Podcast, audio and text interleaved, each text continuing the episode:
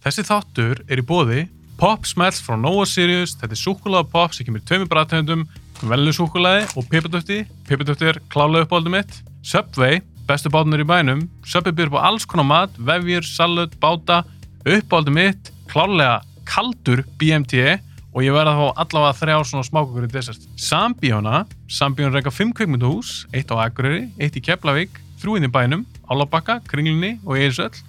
Þið sem hafa hlusta mikið á bíoblæður vitið að Eirsöll er klálega upp á spíóið mitt. Það er ekkert sem toppar staðleitt þar. Ég vil þakka þessum fyrirtækjum kærlega fyrir stuðningin. Ég vil líka þakka ykkur fyrir að horfa að hlusta á bíoblæður. Ef þið viljið styrkja bíoblæður, þá mæli ég með það veslu við þessu frábæri fyrirtæki. Ég vil minna á að bíoblæður er á Instagram, TikTok og Facebook. Endilega fylgjið mig þar.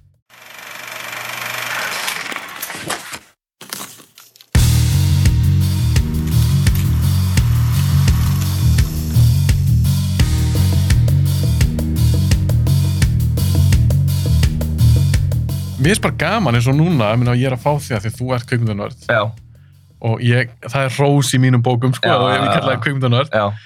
Það er okkar sameiginlegi grundull. algjörlega, algjörlega, algjörlega. Er það ekki nóg til þess að við getum bara spjalla átt góða, góða, góða samræður? Einmitt, einmitt, nákvæmlega, nákvæmlega. Þetta, úst, bara 100% sko. Og hérna, maður kannski svona stundu sjálfur einmitt þarna á og til að dæma kannski fólk út frá, út frá skoðunum og eitthvað svona og, Mhm. og svo kannski sér maður að- að einstaklingur á uppála sumu þætti og har maður svona, wow, ok, hann horfir á nákvæmlega sama og ég. Og, veist, og dæmir það, ok, hann er kannski alveg fýtt gauður sem er fáralegt sko, og, þetta getur fólk haf, veist, verið alls konar og dyrkað sumu myndur og ég, það er fáralt að hugsa að maður þurfa að vera eitthvað nákvæm kassa Það til að dyrka Wes Anderson myndir eða eitthvað.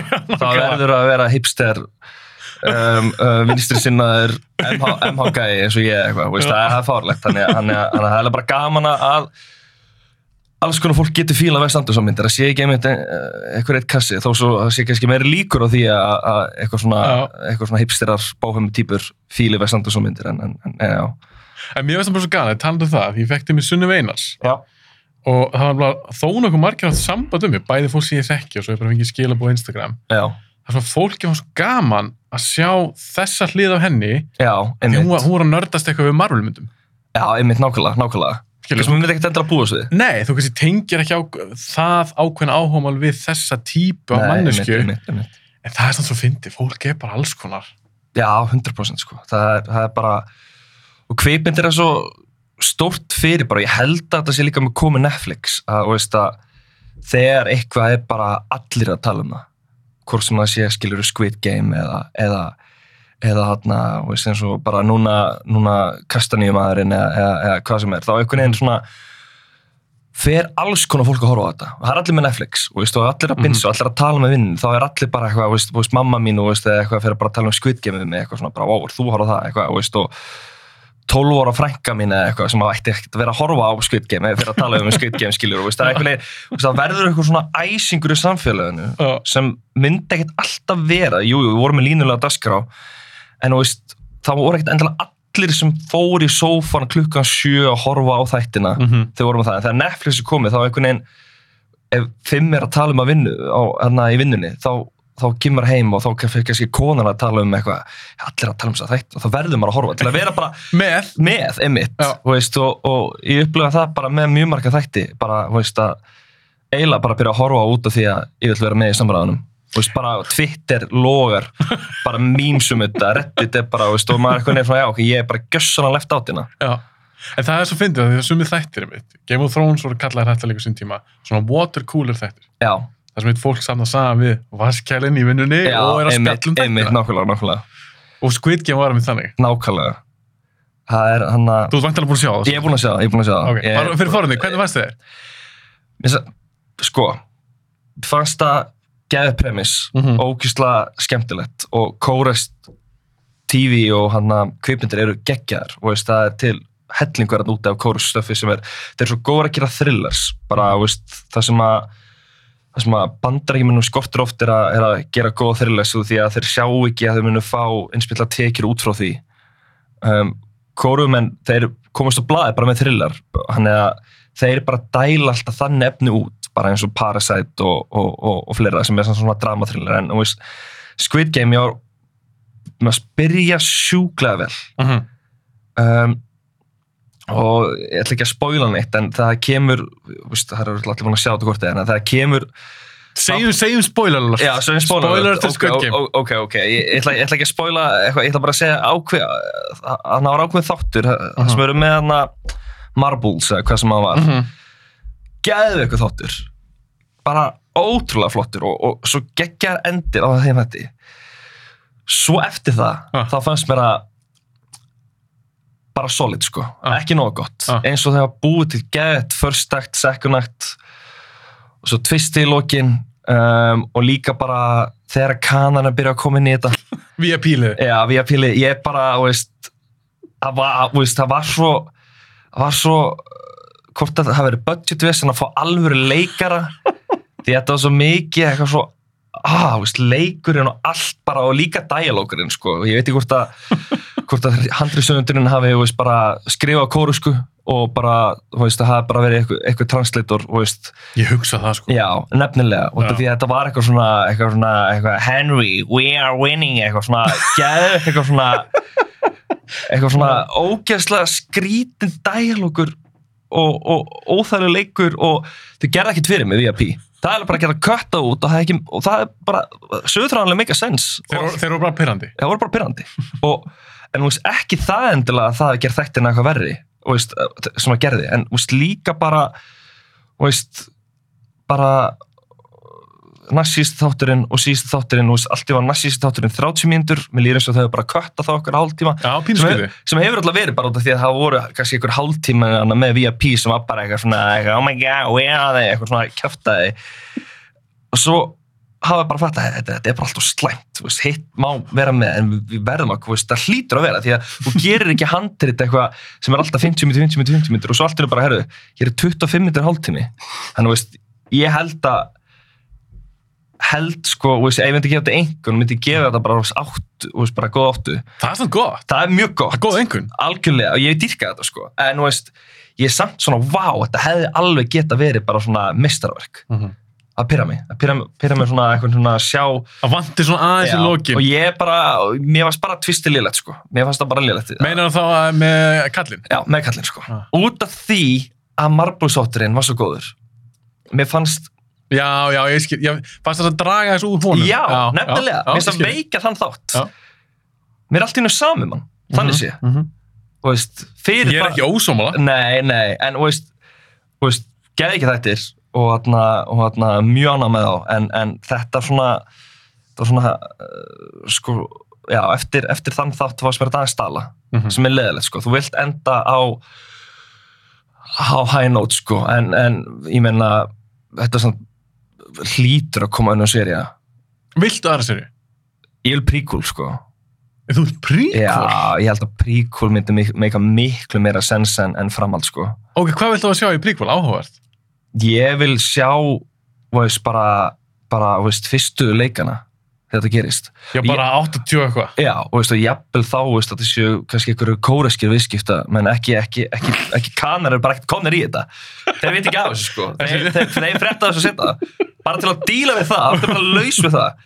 Bara, veist, kanar veit ekkert af þessu. Þannig veist, þetta eru veist, og, og hann já, og jafnvel sko, veist að jafnvel sjá þá kannski hérna VIPs þar þá kannski svona ekki alveg svona rosalega siblinda það sé kannski einn karakter eitthvað sem er svona, ok, hvað Hvað er að gera? hva er að gera, veist, ég, ég sé bara veist, fyrir mér, veist, bara eitt karakter vera bara svona, vá, þetta eitt einstaklingur að minnir með sjúklega mikið á fjölskyldumælum, því að það er ekkert sympathy að það Nei. og þá er erfitt að tengja eitthvað í karakterinn, þá er þetta bara þá er þetta rauninni bara hérna þetta er kallað í spuna, þetta er kallað hérna gemverur, Mm. þegar að fólk verður of of eitthvað svona Fjarri manni fjarri einhvern veginn. mannunni í ykkur geimi sem er kannski fyndi fyrst Ah. en að það er að hjartengja húmórin og, og það er svona að hjartengja vondukallana veist, þú get, algjörlega. getur ekki, og getur ekki annars myndi maður ekki tvíla jókerinn skiluru veist, það er að já, jókurinn skiluru, ekki það að ég horfði á jókur og vera eitthvað, vá, ég sá mig inn í honum, bara alls ekki, en bara, veist, það, maður fær sympati með hann, maður horfir á, horfir sérstla á hann á hann Hawken Phoenix jókurmyndina, veist, það á búið til í sympati, skilur, veist, maður, veist, þetta- Erfið æska Já, og eitthvað svona sem al- getur tengt kannski al- al- við. Algjörlega, veist, það ekki sér þetta búið til sympati með einhverjum, með einhverjum atna, köllu sem er að, er að gera þetta og eru með svona fáralega pyrrandir heim og eru ógæslega eitthvað aðstæðanlegir. En þú veist, já, ég held að vera auðveldra ef, það væri kannski ekki kannar nema að þið fá eitthvað gott budget fyrir það sem að þið getur þetta alveg fengið En eins og með það, að með- að þetta eru sögu korsi þættir. Mhm. Ég hef alveg séð svona ágæti slatta af asísku myndum. Já, Og mér finnst það oftast vera, ef það er eitthvað svona ennskumannandi dót í já, þeim, já, það er alveg oft svona VIP ég veit dót. það, ég veit það um, Hvaðan kemur, ætla þetta sé eins og hún tala um að, ætla þetta sé að því að handisöðunir, hvort sem hann er japanskur eða, eða kóraskur, skrifar á sínu tungumóli, svo er þetta eitthvað þýtt. Já, að það fari, það gæti, þú veist, ég held að það sé, gæti bara hundrum sem verið, að Mhm. það sé eitthvað svona, veist, ferli og þetta er kannski svona, eh, eiginlega bara minnst mikilvægsta ferli í, handritunni er, að- er að þýði þetta yfir á ennsku og eitthvað svona dóta. Það er einhvern veginn týnist bara í, í einhverju smáatrjum, sko. Mm -hmm. Sérlega sammála, maður hefur séð aðsins stefni og þegar að að tróða einhverju kanan inn eitthvað, það er alltaf bara frekar gladar sko, og veist, og, veist, ég er líka eiginlega bara að horfa kóri stefni eða, eða japanska myndir eitthvað til að veist, fá smá pásu af því Þú ert ekki að leita Nei, af Amerikunum eða ennsku. veist, maður er ekkert að ég hlaka til að horfa á þessa kóriska þættu og sjá eitthvað kana koma inn eitthvað allt í henni það er, það er ekki ástæðan af hverju maður er að horfa á þetta og veist, maður upplýðir þetta líka alveg með sko evróska myndir og eitthvað svona Mhm. dót þú veist, fór að riff núna, það var eitthvað mynd sem var bara geðvett góð og var þú veist, 80% á eitthvað öðru tungumáli Já, og svo kom allt inn einhver kanin sem er auðvitað, þetta þetta er riffmynd þannig að þetta verður eitthvað svona fyrir eitthvað ótýrjárósmynd já. Þá auðvitað er eitthvað með eitthvað budget fyrir góða kannaleikara skilur veist, þannig að veist, þetta er eitthvað þetta er bara eitthvað vinur, eitthvað félag eitthvað, ég, ég veit ekki, já, veist, eitthvað, ég veit ekki eitthvað sem við tekið eitt leik, leiklæsanámskeið eitthvað, veist, þannig að dýnamíkin hverfu svo mikið eitthvað neginn þegar, maður- maður sér þetta sko, veist, og, og hann veist, Akkur heldur þið gerir þetta?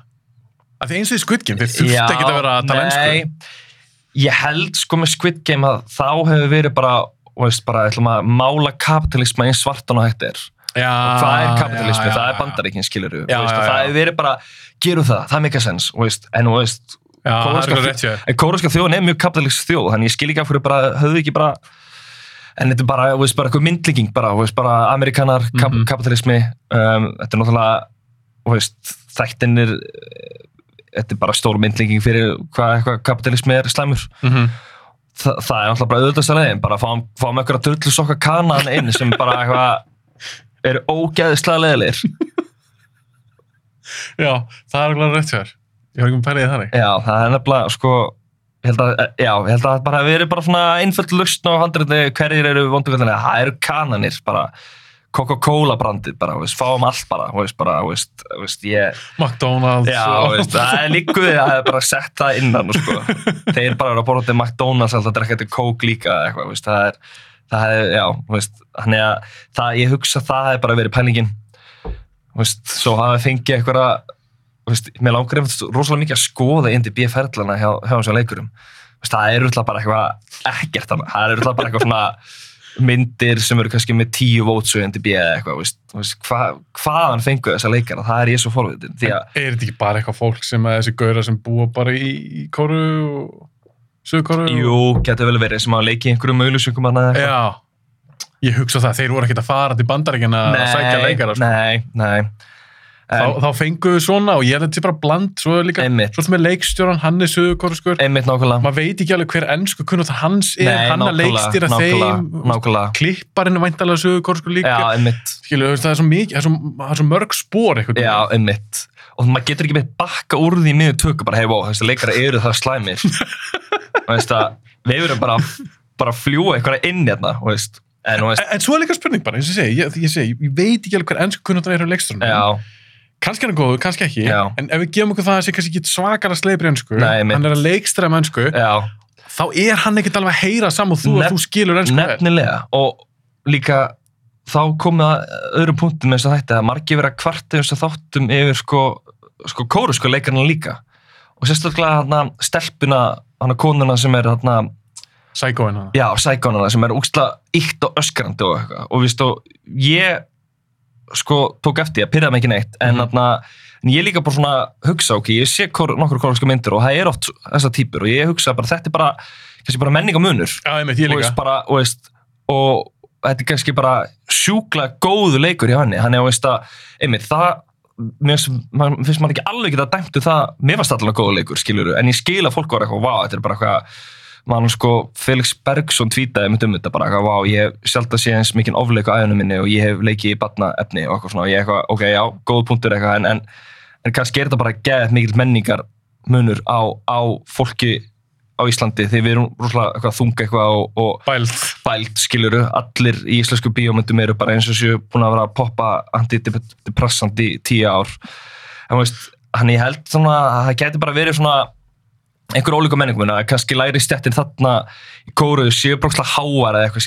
eitthvað skiluru, eða veist, bara, bara eitthvað dæmi skiluru, en, en, en Ég held sér starra en bara leikurinn. Nei, ja, nákvæmlega, nákvæmlega. Og það er mitt sko, veist, þá, þá hugsa maður, skilur, kannski, kannski hérna, einmitt leikstjórin, ef, ef við verpum með yfir hann, þá einmitt skilur, fattar hann kannski ekki, þú veist, menningunni hjá könum, hvernig, Mhm. hvernig best er að koma honum og leiknum sem skýrast fram.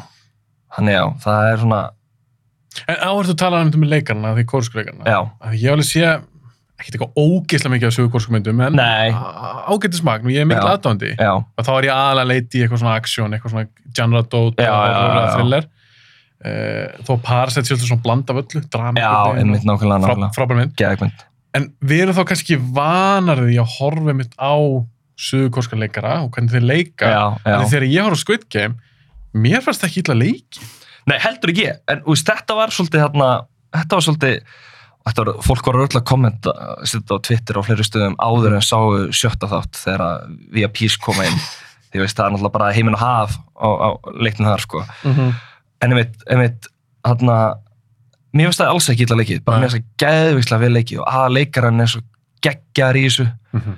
Um, þarna, mér finnst norðu kóruska þarna subplottið þarna með hana stelpunni sem var að koma frá norðu kóru, mér finnst það geðvett líka. Hún var líka söl bara. Ha, já, það, karakter. geðveitt töff sko og hann og og gamli kalli líka bara algjörsinni þjóður og, og geði ykkur og, og líka þessi hérna vinur hans sem meikaði það og þessi eitthvað skuldöllu veist, þetta var bara allt, geði ekki karakterar Mhm. og allir með eitthvað game eða eitthvað sögu á bakvísi og, Mhm. og, sem skiptir svo miklu máli því að þú ert bara með alkarakterinn sem er með plotti og subplotti, það er bara verið kringum hann og svo bara verið enga fólki í kringum hann og ekkert verið að fara djúpt í það, þá hefði þetta verið svo boring fljótt. Það er svo gaman að kama ofan í sko mismöndu karakter og mismöndu subplot. Um, hann er með einhvern veginn þótti vænt um svo marga karaktera. Mhm. Svo sem er vonda Helga Björns þarna, sem, sem er lítur alveg út þessu Helgi Björns kóruskútgáðan. Ó, ég hef ekki svona pælt í þetta. Þetta er alveg gangstari. Já, það er sko svakalegt sko að sjá mynda Helga Björns Ó. og hún er hlið. Ó. Það er magnað. Er þetta bara suðurkórsk útgáðan Ég, þetta er bara 100% ég man þegar ég var að horfa á þetta ég sagði konum mína "Ah, minnum mér svo á eitthvað Þú veist, mér langar að segja Helgi Björns. Og ég var að fara að segja Helgi Björns. Svo fór ég á Twitter og þá var ég bara ok, það er allir að sjá þetta líka, þetta er ekki bara ég. Ógeðslega fyndið að sjá eitthvað svona suður kórusk útgáð Helga Björns. Er búið, að splæsa eitthvað svona myndum að þeim? Já, það er búið að gera Twitter sko. Ég þarf að googla það. Já, það. Að er ógeðslega fyndið sko. Þetta er alveg bara magnað að þetta sé bara eitthvað suður kórusk útgáð Helga Björns en já, hann að Hvernig fannst það að sjá karakter? Gangstari? ég hefði viljað kannski aðeins meiri dýft Ok. um, hann var bara gett svona reyður gæi, gangster, eitthvað svona Mm. á, ég er reyður eitthvað svona og eitthvað svona, ég er slæmur gæi, en þú veist bara eitthvað, og þegar við komum að sjá söguna hans í hann að þætti tvö, bara kannski komið eitthvað fram svona hvernig hann leittist út í þetta Mhm. Bara eitthvað, eitthvað lítið, það getur verið veist, eitt skot bara er veist- dóttur eða... Já, e- eitthvað, eitthvað, eitthvað. Já, já. þú veist, bara, þú veist, bara, þú veist, það má- mér þess bara fara eitthvað auðvöldu leið, bara hann eitthvað á, þú veist, eitthvað á þess að heimsækja dóttu sína, eitthvað Já, sem, já, er, einmitt. sem er eitthvað geðt veik, eitthvað, þú veist, bara Já. eitthvað sem er þetta mjög típ, en myndist að gefa fólki eitthvað, skilur, veist, veist, að, það er svo ógæslega í þetta til, veist, við erum bara með hann vonda gæja, við erum ekki við neitt annað, hann er bara vondur, bara eitthvað cool og vondur, hel, cool vondu Helgi Björns eh, ekkert veist, þannig að mér, ótti að það hef alveg gaman að hann Mhm. en, en, en, en, en vant ekki að segja þess meiri dýrt um, með hann sko. Já, ég meina, ég, það, alveg samanlega, það er ekkert saka að við fengi kannski minka þess þetta VIP skjáttíma, bara hefði það allt farið hvað það út úr sig. já, En ég verð að spyrja þess út í, að því við erum að tala um sögur kórska sjónvastætti Já. og kannski kvimdi líka. já Ég horfði náttúrulega aftur á hann daginn I Saw the Devil, sástu hana? ég ekki séð hana, hana? nei. En þú sé eitthvað af kórs, sástu. Old, old Boy? já, Oldboy, Já. geðveik maður, ég horfði á hana þegar sko, besti tíma aðeins minn var alltaf þegar ég kipti sjónvarsflækjana Já.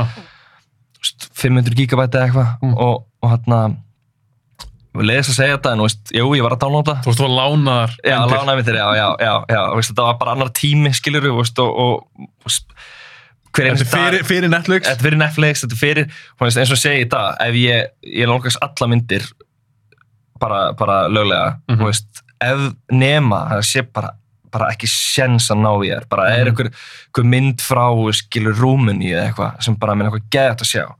Og það er hvergi hægt að finna á Amazon að neinstaðar eða jafnvel leigan á Amazon sem ég gert stundum með bíómyndir Mm þá, þá þú veist, það er bara veist, veist, bara ég verð að sjá hana skilur en á, á þessu tíma náttúrulega já maður fór á leiði sem bíómyndir en stundum áttum maður ekki alveg pening fyrir 12 ára krakki Mhm. og ég bara var, var sjúklega mikið kvipn og nörd á þessu tíma og Ja. hann þá er mitt bara hann bara downloadaði bíómyndum og við strákanir bara hópur horfðum á bíómyndir á hverjum degi bara Geðveikt. alltaf tekið nýmynd alltaf farið í Nesval sem að shoppa á Seltjarnesi, rest, rest in peace sko Ah. og hann alltaf tvei fyrir þetta máttu dútilbúði sem er hræðilegt eftir að reykja ég hefur alltaf drukkið svona 600 flöskur á máttu dú og mér líður svo illa, ég held að líka maður sé ennþá svona detoxið sér frá því Hann er ennþá bara í sárum. Já, bara eitthvað, og veistu, ég smakka máttu dú í dag, ég bara, og eitt sopa eitthvað, ég bara, hvernig gæti ég drukki, veist, tvær flöskur á hverjum degi og veist, það er fáralegt Ég hef þetta verið með Dúrúla. Já, Bjóða ég, það. ég, ég pott fikið mér sko og veist, en, en hann að, já, og, og þá er mitt bara horfðu við á bara, bara geggjaða myndir á hverjum degi Mhm. og það bara hefur ekki séð þess að vera mára hana á morgun og það er mitt horfðu á Oldboy og held að það hefur verið fyrsta kóruska myndin sem ég, sem ég sá, byrja, er ekki Battle Royale, er hún, er hún japansk? Hún er japansk, einmitt, nákvæmlega kemur aðeins undan. Já, einmitt, nákvæmlega og hann að, En Oldboy líka mín fyrsta sögurkurs. já, Mér minni það, það. það er, svo geðvögg mynd sko um, ég held ég að sé hana bara einu sinni síðan þá og- Myndur þú kalla hana mistraverk?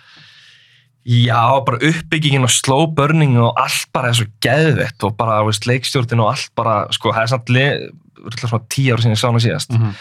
Því að þetta er svona eina af þessum myndum, sko, sem að best að sjá hana fyrst skipti. Já, þú ert ekkert-. Í þriða skipti, þú veist, þú pikkar kannski aðeins upp, skiluru, en, veist, með þessa myndi þá er bara svona, veist, það er svo mikið sjokkar valjú þarna og, maður er alveg bara trillist sem maður sína fyrst skipti. Að Það er gæðið sama. Já, hún er geðveik. Ég hef ekki sé endurgerðana þarna amerísku. Ég hef mjög slæma hluti. Um, Það er ekki að sjá hana. nei, mitt. Ég, Ég sá hana nefnilega líka. já, sko, kanar, ég veit ekki hvað þetta er með endurgerður, sko. Það er, takk oft góðar evraska myndir og gjössalega slátra þeim, eða kóraska myndir, veist.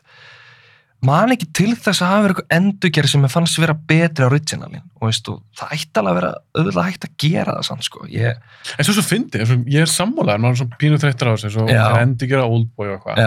En svo nú las ég um daginn, ég held sé japansk endurgerð á Cube. Já, ok. svo- Ég held að hún sé kanadísk Cube, frekar en bandarísk. Varst ekki þetta Cube myndinni? Jú, jú, jú, Já. jú, jú. Ég meina hún er hvað, 20 ára gömul eða Já, eitthvað. já, já, já. Og ég held að sé að koma japansk endurgerð Ok, já, ég hef aldrei séð það. Nei, þú veist, það Nei. hljómar finnst mér pínu áhuga. Já, ég var til að sjá það. Já.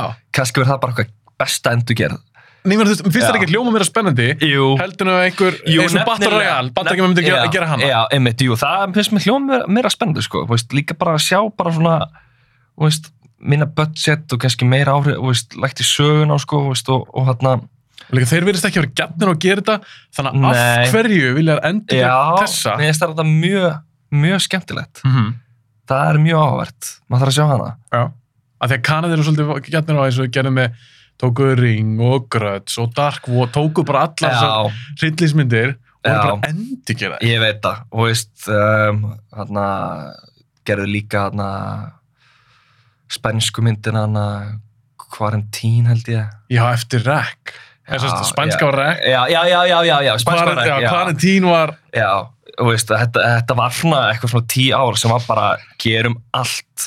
Og ég veit ekki hvort það hefði gengið eitthvað gæðislega vel í box office sko, hvort það hefði verið þú veist, hvort að það hefði verið eitthvað með þess að endurgerir, ég veit ekki, þið held allan áfram að gera það alltaf.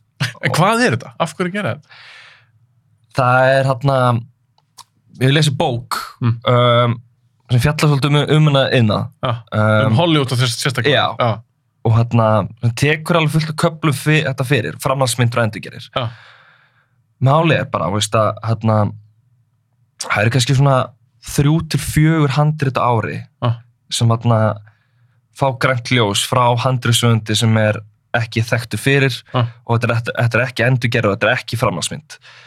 Ástæðan af hverju það er svo mikið framhaldsmyndum á endurgerð er bara því að þetta er bara ókysla lórisk Harry Ward. Þú veist, þú ert með ef það er eitthvað mynd sem gengur sjúklega vel í kóru eða spáni eða hver sem er Mm og þau sjá það, þá vita þau það að þeir taka það efni þá, mun, þá eru 90% líkur á því að þau munu fá peningar sinni tilbaka mm. veist, það er bara þannig og eins og bara með endurgerir þú veist, bara, þú veist, bara allar endurgerir og veist, ef henni gekk vel í box office það eru 90% líkur því að, að henni muni vegna aftur vel núna. Og þarna þannig þau þurfa að borga minni pening fyrir handriti sjálft, þau þurfa að borga minni pening fyrir rétthafa og budgeti verið millir minna og það er örug og það er örugra að þeir fái peningi sinni tilbaka.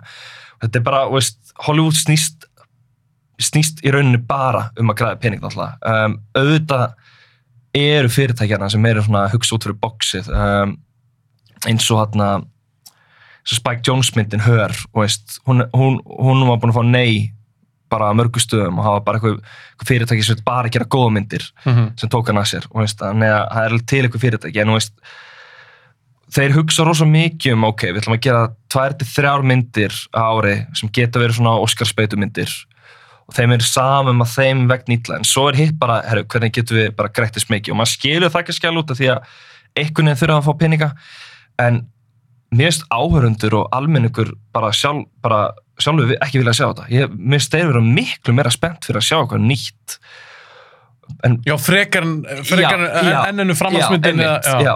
hann er veist, þetta er bara svo mikið eru först í bara þetta low-race carryword dót og sem er útlæðlega leðilegt sko. Það er bara það er bara eitthvað sem er trompar alltaf í, í Hollywood bara hvað skiptir miklu máli að græða peninga, box office tölur það er bara eins og sem ég var að lesa lottoði í bandaríkjunum, það er bara veist, þegar það er koma, það er bara veist, eitthvað, veist, Spiderman er undir 150 miljonir, þá er það bara þá er það bara, veist, algjör feill eða eitthvað, veist, Mhm. það er bara box office tölur, þegar það eru tilkynntar þá eru allir bara stjarfir í símanum, agents, manager veist, leikarinn er meira þess að sjálfur veist, ef, ef, ef, ef, myndin sem hún leggst í, eitthvað frægur leikari er ekki í fyrsta sæti þá getur það bara farið með ferilin þú veist, það er bara, wow, ok, það getur kannski ekki fengið aðhlutur í næstu mynd, þannig að þetta er svo rosalega ekstrím með box office eitthvað sem við íslika þurfum ekki að pæli því að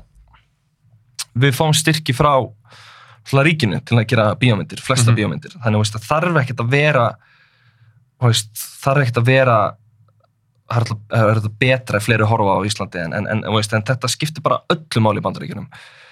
Og það, veist, og, það hefur fólk verið að gaggrenda að, að það væri kannski skemmtilegra að sjá nýjar myndir. Og það, það er svona eru við líka með hlut sem heitir bara hérna handrit sem eru í hérna, ekki blacklist, jú, er að kalla blacklist jú. ætti ekki tala um sem eru ekki framleitt Já, en eru mest heit, heit handrit, já, ég sé blacklist Já, já, það er blacklist, jú, jú, jú, það er blacklist og hann að það er bara, stundum eru þau handrit, veist, sem eru heitusta handritin í Hollywood, þau eru stundum bara í tíu ár að fá græn ljós Mhm. og þau fá alltaf peningi tilbaka og þannig að maður hugsa svona, ef heitu sér tíu handritin í Hollywood, veist, þau geta ekki fengið bara grænt ljós, bombum í þetta verkefni.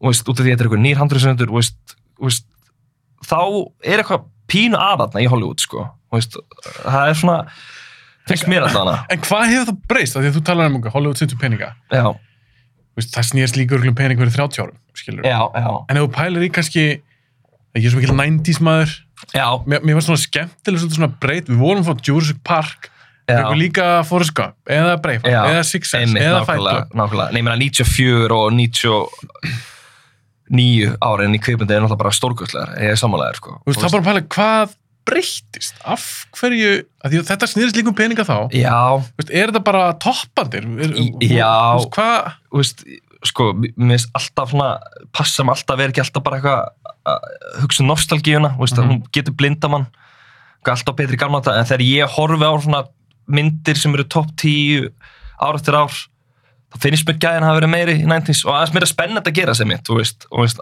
þannig að ég er sammálaðið þessu, sko, um, Kannski aðeins með sjensar. einhvern veginn. Já, ég held það. Ég held, þú veist, að, veist, að það bara, veist, var alltaf að Tarantino hefur talað um þetta.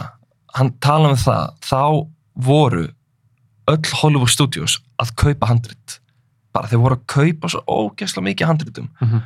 Og þá var ekki verið, veist, að kaupa pitch eða treatment eða, eða, eða, eða fleira. Þeir voru að kaupa og sko, fullt af fólki lifði bara þessu að búið til hann sem voru aldrei gerð bara, mm veist, bara seldu kannski 20 handrit á ári. Svo voru eitt spes handrit bara kláruðu fullt af handritum og seldu. Og, hand, og, veist, og Hollywood voru að kaupa svo ógeðslega mikið af handritum og, veist, og, og Tarantino er, var einmitt að segja þetta bara í hérna við einhvern skóla, veist, hættið að reyna handritsöndar, hættið að reyna að koma ykkur í rætisrum veist, ég veit að það er auðvitað leiðin. Gerið handrit, gerið fyrsta draft, gerið annað draft. Bara gerið eins mikið og getið, við þurfum fleiri handrit. Veist og Ég læst það mitt líka, það var eitthvað stutt viðtalið við hann. já, ég held að það alveg góð punktur hjá honum. En veist, Hollywood er líka að, að líta í sinni eigin barm og, og leiða fólkuna að, að fá fleiri tækifæri. Því það eru svo ógeðslega fá handrit sem að sem að fá Þú veist, um orginal já, orði, já, bara frá bara já. debut hjá Handri Sögund sem fá skiluru græntli og sem er þess að fólk sem hefur gert góð handrit bara Charlie Kaufman var lengi bara ekki að gera bíómyndi því að bara það var enginn að taka séns á honum hann að þó að hann sé búin að þú veist, vera tilnumdur ótrúlega oft fyrir bestu handrit þú veist, og þetta er myndinans mjög spes en þú veist, mér er þess að bara sá gæ þú veist, bara besti handrit sem þetta er allra tímaöli minna, þú veist, Mhm. hann stúdíu alveg bara svona, nei, bara eitthvað þú veist, tökum ekki á þetta þú veist, og marga myndir í honum hafa verið bara farið í bara eitthvað svona production ferli en hafa bara síðan bara verið kansilegar Já, það? já, og veist og, og, og hann þetta er bara ógislega svona algengt vandamál hvað handrisöfundar er í rauninni neðstir í svona virðingasteganum í Hollywood. Það Sem er bara, sem er galið. Og, og, og, og sko því ég las þessa bók ég var bara pínu bara til prest því að þetta eru gæjar þessi gæjar eru reyndar hann þessi bók heitir eitthvað astanlegu nafni eitthvað, heitir eitthvað En góð bók. já, góð bók sko. How to make, uh, how to write screenplays and eitthvað eitthvað, be a millionaire while having fun at it eitthvað svona, eitthvað, and be fucking rich eitthvað svona geðtypist eitthvað svona Mhm. og þetta eru gæjar sem uh, hafa gert alveg hverja, 30 bíómyndir Já, sem skrifuðu bókin. já, já, já, þannig að þetta er eina, ein, eina, handriksbókin í heiminum sem actually handriksöndar sem hafa selt handrit um, Skrifuð. skrifuð, því að allt hitt eru bara eitthvað svona handriksgúrúar eitthvað sem aldrei selt kennara. Já, kennara, en, en þessi bara, herru, við ætlum bara að segja hvernig að gera þetta þannig við hafa svolítið áhuga á þann vinkil þeir tala um, þetta ferli Mm. í Hollywood og þeir taka fyrir þetta er gæðin sem gerði endur gerðin á taxi-myndinni taxi hérna með Queen Latifah Það var frönsku myndi. Já, um, sem gerði endur gerðin á því sem Já. er náttúrulega einn vestaminn sem ég sé Ég hef ekki séð, ég hef ég hef séð frönsku en ekki... Já, það er hérna Queen Latifah og Var þetta ekki Jimmy Jimmy Fallon? Þetta er svo, þetta er svo vondmynd sko. En, anna, en þeir eru með tala um þetta í ferli. Að þeir útskýra ferli, það er þannig. Veist, ok, þú vart fyrst að selja handreit og svo verður viðkunnur hjá stúdíu og þá áttu meira möguleika. Veist, að þeir voru komnir á þann stað, þeir voru búin að gera nokkra myndir svo voru búin að meika og, svona, og fengu taxidræðverkefni en nei, taxiverkefni. Og og hana ferli er samt þannig að oft selur handrit Mhm. og svo er stúdíu að segja, herru, hann á farið mánuð til að endurskrifa þetta. Og, og farið fjöra, fjöra finna deadline til að bara laga sem þarf að laga. Gefur það frá þér svo ertu reikin það er 90% tilvilla samkvæmt bókinni. Ég hef ekki alveg skoðað þetta en þetta er vist mjög algjörn, þú ertu reikin bara. Þá fá þeir aðra gæja í stúdíónu til að endurskrifa handritið. Mhm. svo er ságæðir ekki og allt í hennu eru kannski ykkur 20 aðilar búin að hafa áhrif á handriti frá upprunnilega Mhm. og þá er hýnt aftur í því og segja, herru, það er búin að endurskrifa handriti svolítið mikið og okkur langaði bara að fá því aðeins aftur inn og gá hvort þú getur svona aðeins svona fiffað þetta til eitthvað svona, veist, þá er bara, bara 70% breytið eitthvað skilur veist, bara grunn hugmyndi var alltaf til staðar veist, og, og þetta er vist bara ótrúlótt ferli í, í bandaríkjunum þess vegna er ég alltaf svo er ég alltaf svo skeptísku þegar sagt veist, einhver handriðsöndu sér liðir Ha. oft hugsaði bara, kannski eru við bara með geðið gott premiss og geðið gott fyrsta draft. Þeim er bara Já, þú, já, þú vilt meina það að kannski alveg upprunalega handritið hafi verið gott. 100% Svo fer þetta gegnum þess að vél. Já, já, það er alveg- er góð punktur. Út af því þeir hafa ekkert vægi þarna í rauninni, bara ekki neitt bara bestu handriðsöndur í heimi þarna.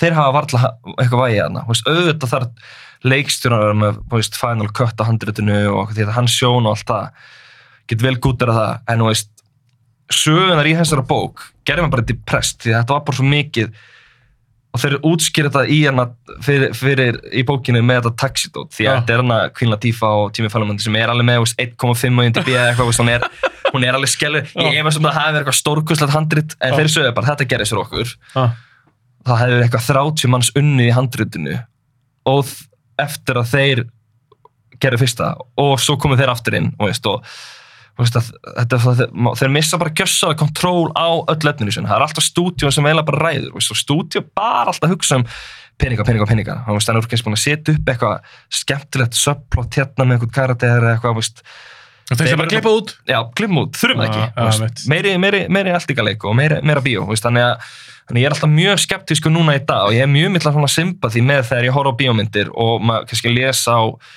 kvipinda áhuga menn eða Twitter bara eitthvað, já, hann er þetta umöðlegt og ég hugsa bara já, en kannski var það ekki umöðlegt hjá uppalega handriðsöndum, kannski var, var ég bara slátrað og, veist, þannig, og svo kemur við líka því að sko, leikstjórn hefur yfirleitt ekki final cut, það er alltaf framleiðandinn á stúdíu þannig þeir taka oft myndin og bútsir hana líka. Þannig það, er, það er búið að fara í kannski getnum einhverja 30 manneskjur 20 handriðsöfunda, eitt leikstjór, eitt framleiðanda eitthvað- eitt stúdíu uh, Executive. var að leita orðinu og veist það er þetta búið að slátra öllu sem þú er búin að hugsa um veist, og þetta kannski á ekki, á ekki um veist, gæja sem Quentin Tarantino og fleiri menn skilur En hann er undan þeim Já, ég veit það, skilur, það er bara, veist, þú fokkar ekki í honum ef eitthvað, var, eitthvað, var eitthvað stúdíogæi, var eitthvað, að við erum aðeins að, það fyrsta aðrið en Glorious Bastard er svolítið langt, þú veist, þú gætir ekkert sagt það við hann, skilur, það er bara því hann hefur það mikil völd.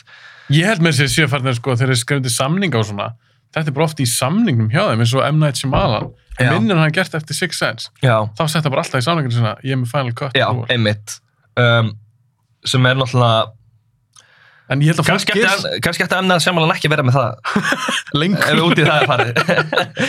en, en, En pointum mitt var já, ég skil, Já. ég, já, algjörlega, algjörlega, veist, og, Ég held að fólk gerir sér ekki alveg grein fyrir þessu Nei, og hann að veist tala mjög mikið um og fólk og svona. Og ég er ofta þetta fyrir þeim og veist að, og veist að mér finnst handrið skipta mestu máli þegar ég kemur á Sammála. um, mér fundist það bara frá því að ég var tíu ára. Um, og það er svolítið erfitt að veist, fólk fattar ekki alveg hvað handrið er þú veist, hvernig maður skrifur handrið og fleira og í þeim dúr. Og þegar maður kynnist því ferli líka þá bara fæði ennþá meiri bara ennþá meiri virðingu fyrir handriðsögundum því að handrið eru svo ókjösla visual. Mhm. það er ekki eitthvað svona handrið er ekki skrifuð þannig bara veist, John McClane er eitthvað að fela sig. Við sjáum skot af honum farð veist, að þau eru skrifuð svo ótrúlega visual. Þeir meðan samt ekki vera óvisual þegar leikstur þarf að hafa sína sín en Það er er svo trikki einmitt nákvæmlega, nákvæmlega. Og þau eru svo þú ert díalógurinn skiptir minnstu máli í handrutum það er bara hannig og það er bara hvernig sagan næra anda og hvernig hún næra næra hérna presenta sig og þegar þú leggst handriti hvort þú sjáur mynd það er ógeðslega erfitt að koma því á blaði að sjá um okkar að mynd endilega fyrir sér þetta er svo allt öðru sem leikrit kvipindhandrit og margir sem byrja að skrifa þegar ég myndi sko byrja ofta að skrifa á Word eða eitthvað mm Mhm. sem er bara allt í lagi en veist, það virkar ekki þannig. Þú ert að fara í gegnum ákveðu format sem eru þúsund reglur veist, það er til svo endalösa reglum, veist, fólk heldur kannski þegar það horfður á bíómyndir og sér montasinu og bara eitthvað, vá, skemmtilega montasinu en að skrifa montasinu er bara ógeðslega erfitt að láta það virka. Bara eitthvað, Jack í sturtu búin í sturtu fer og núna sjá Jack vera að keira veist, hann, er búin að keira núna sjá Jack vera að dansa, það- þetta er ekki þannig þetta þetta, það er að láta virka þannig að þetta sé áhugavert sem montasinu og meðan að lesa þetta og það er ógeðslega erfitt, þú veist, það er svo mikið handrið sem er ógeðslega erfitt, bara eins og, eins og um daginn fór ég að geta að spá ég var að horfa á Taken og það kemur það atrið Bara fyrstu? Já, fyrstu, Ah. bíleltingaleikur og ég fór að geta að spá ég bara, ok þetta er eitthvað bíleltingaleikur þarna í tíu myndur ógeðslega mikið af eitthvað svona Leon Neeson, eitthvað næstu að detta út eða eitthvað svona, veist, og ég hugsaði, hvernig er þetta í alltaf, geðið erfitt að koma þessu inn á blaði Mhm. að lýsa þessu sem er að gerast svo las ég handrið þegar bara, vá þetta er stórkostlegt. Bara, veist þú, Taken er sjúklega góðmynd og hún er veist, bara mjög góð, geggjuð, dýrkana, en maður myndi kannski ekki veit segja sér eitthvað stórkostlegt eitthvað svona nei, en, en hvernig handriðsöfundinu þar bara veist, gerði skil á aksjóni í handriðinu sem er eitthvað tímyndu bílaltikleikur sem eru alltaf eru alltaf gett leiðilegt að lesa var ógeðslega gaman að lesa. Þannig að alls konar svona punktavarða handrið sem að fólk bara gerir sér ekki alveg grein fyrir og svo náttúrulega líka bara komið því sem ég sagði bara hvað þau eru bútsöru síðan bara það er bara gjössamlega slátrið þannig að veist, það er rosalega þarna En ég verð að spyrja þig, að við verum tóma handrit, að þú hefur skrifað sjálfur. já, Og þú fóst nú nokkur langt, er það ekki, í ákveðnu ferli í með handrit. jú Þú verður alveg að segja mér næst frá því. Já, það var geggjað sko. Um, ég er sem sagt hann að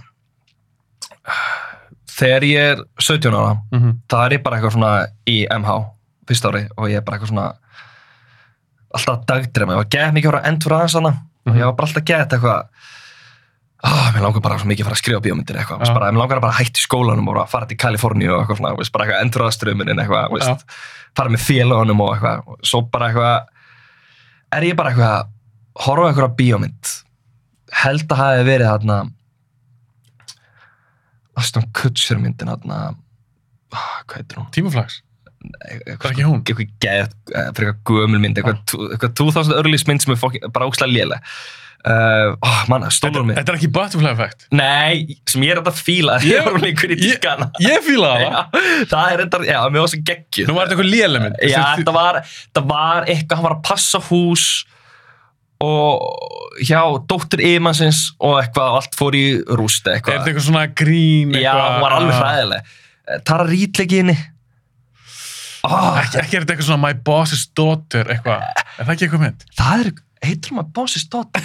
Veistu það? Thomas, ég var að tjekka þessu á meðan þú heldur áfram. Já. Þú varst að horfa á þessu Aston Kutcher. já, og hann á, ég hugsaði bara, ok, veist, en þetta er mynd, ég hlýtt ekki að skrifa betur, eitthvað svona. Já, maður hefur hugsað Já, það oft. ég fór bara geðið mikið að hugsa um bíómyndir og eitthvað svona og skrifa skrifa eitthvað hugmyndir niður og svo var ég bara, ok, ég ætla að prófa að byrja að skrifa og skrifa eitthvað word eitthvað, svo var ég bara eitthvað ég veit ekkert hvað er að gera, Ah. Varst ekki, varst ekki neitt lærður? ekki neitt lærður Já, nei, Bara fykta sjálfur? bara það sjálfur og þá var hefur þessi adaptation eftir Charlie Kaufman Já.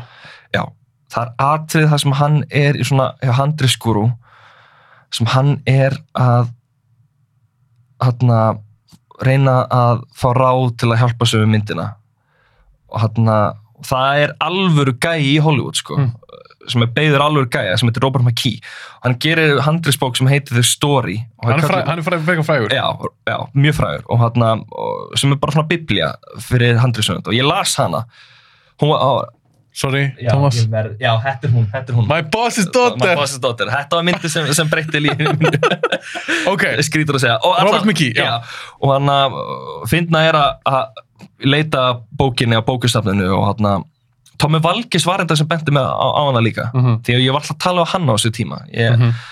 hafði svo mikið á bíómyndum og hann einhvern veginn var eitthvað með kvimputuris og ég dyrka að lesa hann að gaggrinni eftir, eftir, eftir Tomma og hann að Sjátt þetta Toma. já, sjáttu Tomma og hann að var alltaf að gefa mér eitthvað líka frí á bíómið og eitthvað, gegg, geggjar sko. Snillingur. já, snillíkur og hann að og hann að bókin var bara til á Emma bókasamninu Ah. á öllu Íslandi. Og ég eitthvað, ok, bara meant to be uh, tók hann út, las hana þetta er eitthvað svona 400 blæsja þykk bók. Já. ókísla þurr, en ég dyrka einhver einu sem mínúti að lesa hana. Ég var bara svo, wow, bara aldrei pælt í þessu og, og hann og veist og fannst það geðveitt og hann var ég bara, herri, ok, ég er tilbúin að skrifa handrit. Flestur myndu byrja að skrifa kannski stuttmyndi eða eitthvað, en nei, nei, ég, ég ákveð að skrifa 130 blæs en að kvimna handrit. Þú fórst bara í feature length mynd strax. já, já, já. Svo var eitthvað voru, voru komið jól og ég fjallið myndi þrejum áfengum þessu öðrum. Um, Út af þessu var já. Uh, og pappa voru ekki alveg orðið það en þannig að og ég hvað gera þetta handrit? Ég er búin að skrifa handrit og eitthvað. Ég sendi Júla Kemp það um, Hvað árið þetta svona cirka? Hvað- hvað svo? 2009 eða eitthvað sko. Já, já, já, 2000 ok.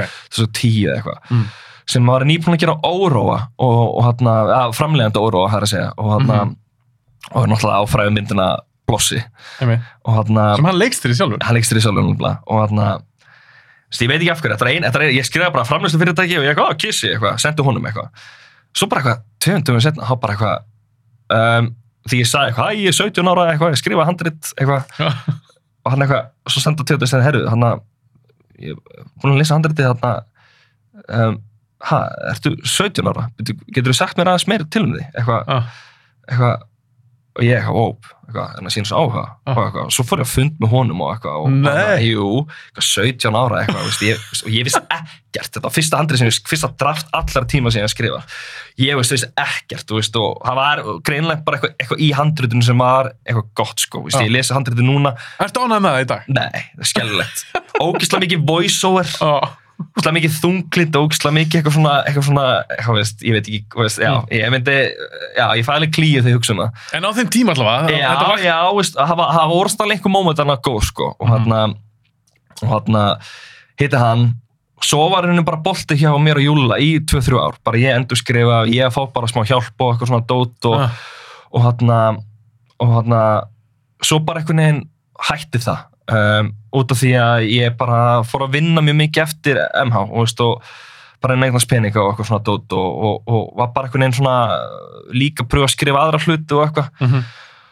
og svo er hann svo uh, þekkir pappi minn eitthvað aðeins til Sigrun Sigvarssonar og hann Eitthvað frægasti framlegandi Íslands. Já, bara, og veist, fólk veit ekki, bara, veist, hann er bara, hefur gert endalust í Hollywood og fleira, og hann, og hann, ég spurði pappa minn svona, hei, veist, eitthvað, hann eitthvað, ég er að fara að hitta hann á morgunni, eitthvað, hann mætti koma með, mér var bara að spjalla við hann, eitthvað svona, og veist, þá er kona mín komin inn í læknin í Kýpur, Mm. sem er mjög random, og hann, og sem er sex ára nám og ég er bara, hvað í fokkarum er ég að fara að gera? Sex eitthvað, og, veist, og ég var búin að sækja mér leiklist allá í, hafa komist í eitthvað lokum fyrir hana Mm.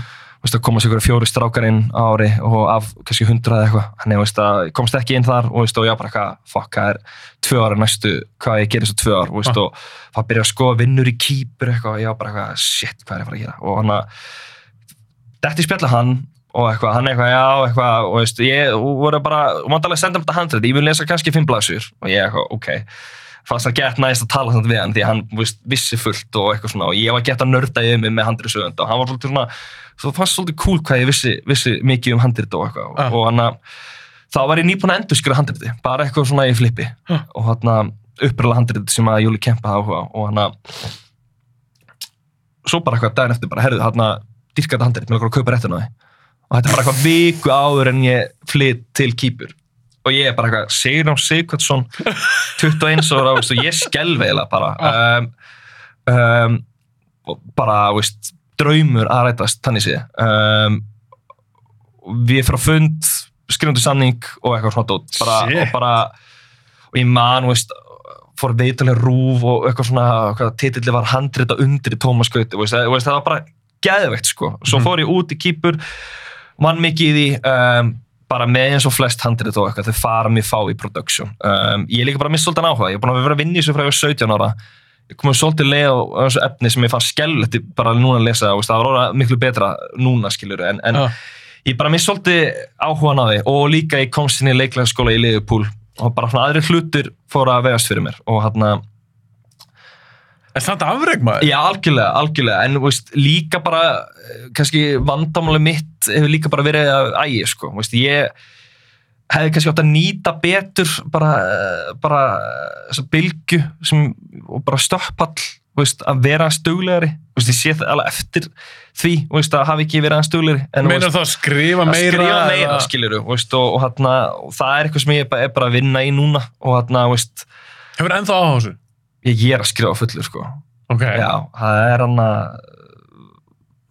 fekk styrkalið fyrir það, sko, maður. og svona dót og hann Er þetta allt íslenska bíómyndir? Já, sem er samt sko ekki eitthvað sem að ég endilega stefna á. Um, það hefur aldrei verið það. Um, um, en þú þarft að byrja einhver staðar.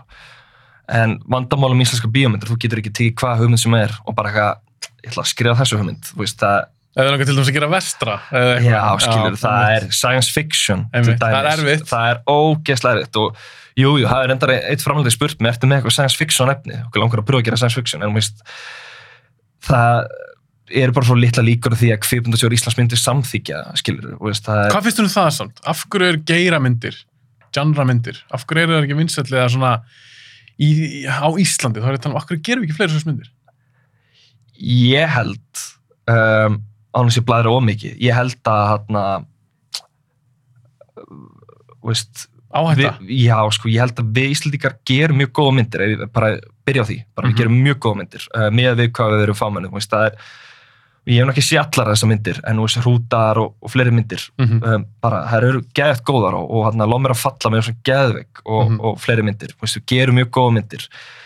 Um, ég veldi því samt fyrir mér, þú veist, hvort að kvikmyndasjór Íslands hafi hérna eitthvað verið að neyta handritum sem eru kannski aðeins útfrefnið þetta eru þrámanneskjur örgulega mjög færi, bara mjög færi í sínu starfi og, Já, já, og, hérna, og þeir eru bara veist, það fólk eru þetta bara að vinna að geta gott starfa að finna góð handrit og ég meina þau hafa gert það fullt af myndir sem hafa slegið gegn í útlöldum og unnu alls konar á kvipnaháttíðum og eitthvað svona dót. Mhm. en, en veltiði fyrir mér veist, að, það er mjög þægilegt að, að, að kannski samþykja mynd sem er svipuð og við höfum kannski gert eitthvað áður frekar hann að fara í eitthvað mynd hérna sem er heimsendir eða eitthvað svona, bara þessum dæmi eða, eða Mhm. sem ég þetta mjög áhvert að skoða bara heimsmynd, heims, heimsendir bara úr- frá sjónarði Íslandíka, veist, eitthvað svona veist. Nýtt allavega. já, nákvæmlega, veist, þannig ég held að það gæti verið eitthvað sem er að stríða okkur, ekki það ég viti það, ég veit ekkert hvað hva handir það að vera að fá neytanir hérna hjá Kvinnus Íslands um, ég, ég er bara að tala frá minni eigin reynslu og, veist, Mhm. að, að, og líka veist, hvað ég sé er, er að gerast og hvað er að koma út þannig held að það geti spilað svolítið inn í um, og veist Heldur það breytist? Heldur það sé að fara að breytast næstu 20 árin? Ég vona það, veist, ég, ég vil samt ekki vera eitthvað að segja að, að, að handrið á Íslandi séu eitthvað, uh, þau eru öll, frábær bæði, öll handrið á Íslandi sem hafa fengið græntljós, það er vandamál, þau eru öll ógislega góð, Mm -hmm. en þau eru ekkert selga sko, endalega sko fersk þannig sé, Mhm. finnst mér, Mhm. og hérna, en, en ég held sko, við erum kannski stundum svolítið först í okkar fari að, að gera svolítið svipa myndir og ekki taka á þetta um, ég man ekki til þess að við science fiction mynd um, ég man að við höfum gert eitthvað eina hryllingsmynd eða eitthvað. Já, það er kannski verið tværa, þrjá já, einmitt, einmitt. En þú veist, mér finnst mér finnst Ísleika mætti alveg taka kannski meiri ávættu, þú veist, þarna þú veist, bara eins og Kóra gerir mjög mikill, þú veist, þú veist, það er Mhm. mjög erfitt samt að bera saman því að erum með hennar miklu starri þjó en þú veist Danir sem dæmi.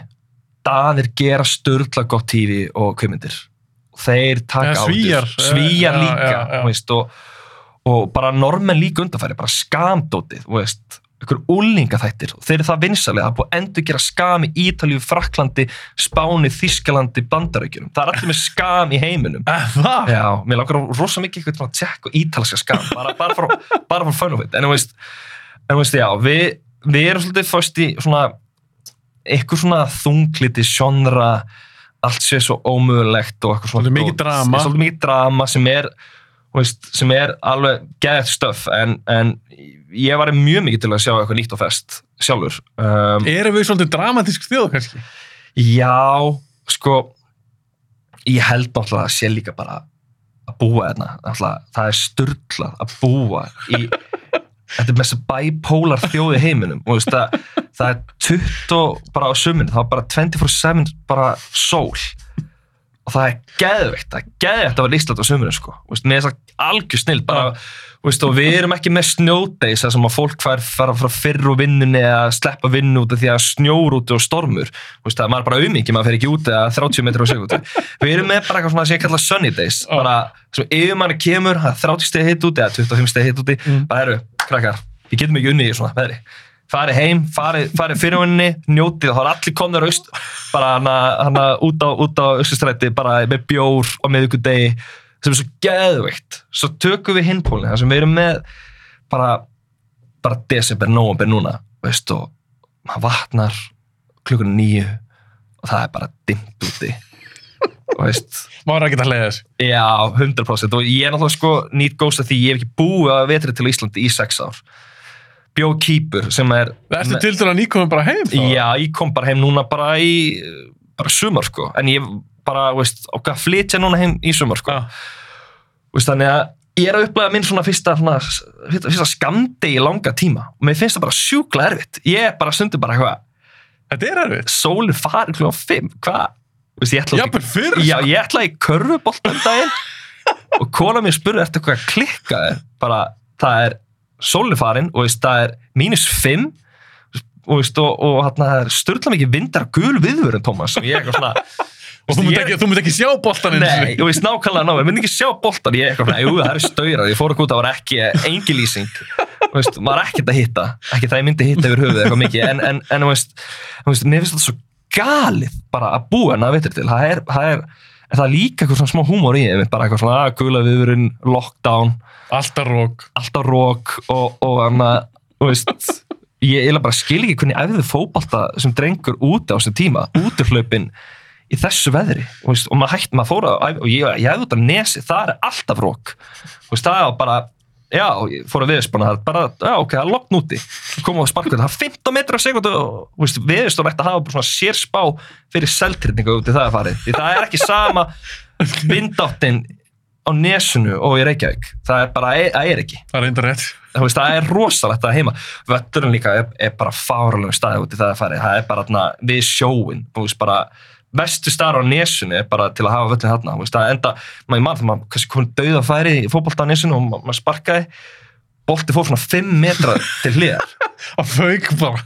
bara fauk, sko, ég man einhvern tíma í miðun leik þegar ég var að spila á vetri til og ég ætla að hreinsa boltan í engast slæsa hann eitthvað aðeins þannig að það hefði bara að í hotn en var ekki vindur. Nei, svífur alveg tilbaka beint í samskettin inn sjálfsmark. En bara flotta sér sjálfsmark fyrir allra tíma. Þetta var, þetta var alveg svona langt fyrir þetta þetta var bara eins og ég hef bara svo allir voru bara pínum en press bara wow, þetta var geð mark. Ég var bara, "Ey, ég var ekki að reyna þetta var vindurinn. Þetta var sjálfsmark. þetta var sjálfsmark sem er þetta leðilega við þetta. En þetta var bara, þetta var bara, þetta var eitthvað svona Robert Carlos stóð það bara sveiði geð mikið en veist að þetta er mann ekkert af hverju maður tala um þetta en þannig að Við erum beinslega að tala um bara því að við erum já, já, já, okkar, þjóð, já, já kvikmyndagerðin á Íslandi þetta lítur aðeins svona endurspeglast af með Já. þessu. Þá ætti kannski bara handriðsöfunda bara eitthvað þegar að sumari kemur næst. Að skrifa, drífa sér að skrifa eitthvað. bara, veist, því að þá er fólk svo upptíkja því að má ekki missa góða verðinu. Bara drullaður út á bara, uh, bara hana út og hjá austur uh, stræti eða hver sem er. Mm. Verðt úti með töluna hérna fáðu bjóra, hamra inn okkur bjórum og skrifa út frá þeirri tilfinningu. Og veist, bara pröfa það. Kannski kemur þá bara eitthvað Eitthvað manist trest dót sko. En já, við erum bara svo bipolar, ég held, þú veist að fólk náttúrulega vinnur meir að vetri til held ég. Mm -hmm. og uh, kannski í skamdurinn þá kannski skapast eitthvað svona meiri meiri sköpunagáfa, ég veit það ekki. Um, mér smið það alltaf að skrifa allum sín myrkri um, hljóma, hljóma ógisla ímólegt eða eitthvað en, en það, er, það er eitthvað svona friðsaldi því þegar allt er orðið hljótt og, hana, og það er orðið dimmt sem gerist fjör á daginn eða eitthvað þá er mjög næst að skrifa. Þannig að það er kannski, það er kannski bara það en já, ég væri persón til að sjá eitthvað meira gerast. Og ég er núna sjálfur bara veist, að skrifa fullu og hana, vona að ég geti starta þeim ferðli aftur. Því ég er bara búin að vera fresta sjálfur rosa mikið af hugmyndum Mhm. og, veist, og núna, núna kom ég heim og ég bara, herru, ég ætla ekki að sækja um vinnu ég ætla að vera með eitthvað pening til hliðar sem ég er búin að spara Mm. og smá dagpenning frá konum minni sem er vinna sem læknir, mjög Mhm. hægilegt að hann bara taka þrjá fjórum mánu, skrifa smikið og gett maður. bomba eins mikið, bara eins og ég gerði bara því ég bjóði kýpur og var að vinna við það að skrifa handrit það eru alltaf bestu tímaðið minnar bara vatnaði klukkan átta. Nei, ok, vatnaði alltaf aldrei klukkan átta. Svona tíu. Og hann að skreið út á svalir 25 steg hitti sko meðal hittun og kýpur svo best í Evrópu. Já, hann er bara það sko, hann er bara bara veðrið hana í desember 20 steg í desember. En ekki fannst þú að skrifa bara eitthvað út á sögulum? Jú, bara, geði bara svalum með bara kaffi, þú veist, og bara svalnar bara, og bara, bara sólin skein og bara geðveitt, sko, bara með músík og það var svo sturlaði tími. Gaman líka þegar það var fyrstu dagar og maður gæði, já, ég kannski fæði mér eitt hátegisbjór, þú veist, það, Ég, þetta, var, svona minimi af, af, af Hollywood, þú veist, þú ert með miklu minna land, Kýpur er 1.5 af Íslandi, þú ert með sama veðri og í Kaliforníu og eitthvað svona, veist, þannig ég var bara, þetta er bara pínu sem að vera í Kaliforníu, reyndar að tala allir, grísku þarna, en, en, en, en, en, en, en svona, þannig að það var mjög skemmtuleg tími, en þarna, En eins og þú skrifa, erstu að skrifa í tölvu, erstu að handskrifa það? nei, tölu, ég, sko, ég er með þess að skrifa blindur, þegar ég skrifa bara á blaði, Ja. það er bara, það er ekki hægt að lesa það, sko, og skrifblindar þetta færist ekki, færist ekki yfir í litlabor, sem er svolítið fyndið, sko. Meinar það að þú skri, ef þú handskrifar? Já, það er bara það, það er bara, ég gleymi, sko, því ég handskrifa og ég Ah. kannski segja svo orðið borð kemur fyrir hand, í, þegar ég að skrifa. Ah, Oft skrifa ég þá bara orð og ég gleymi bara fyrsta stafnum. þú gleymar bíinu. Bara gleymi bínu, gleymi stundu bara eitthvað orðum inn á milli, en þú fekk alltaf tíu stafsendingu.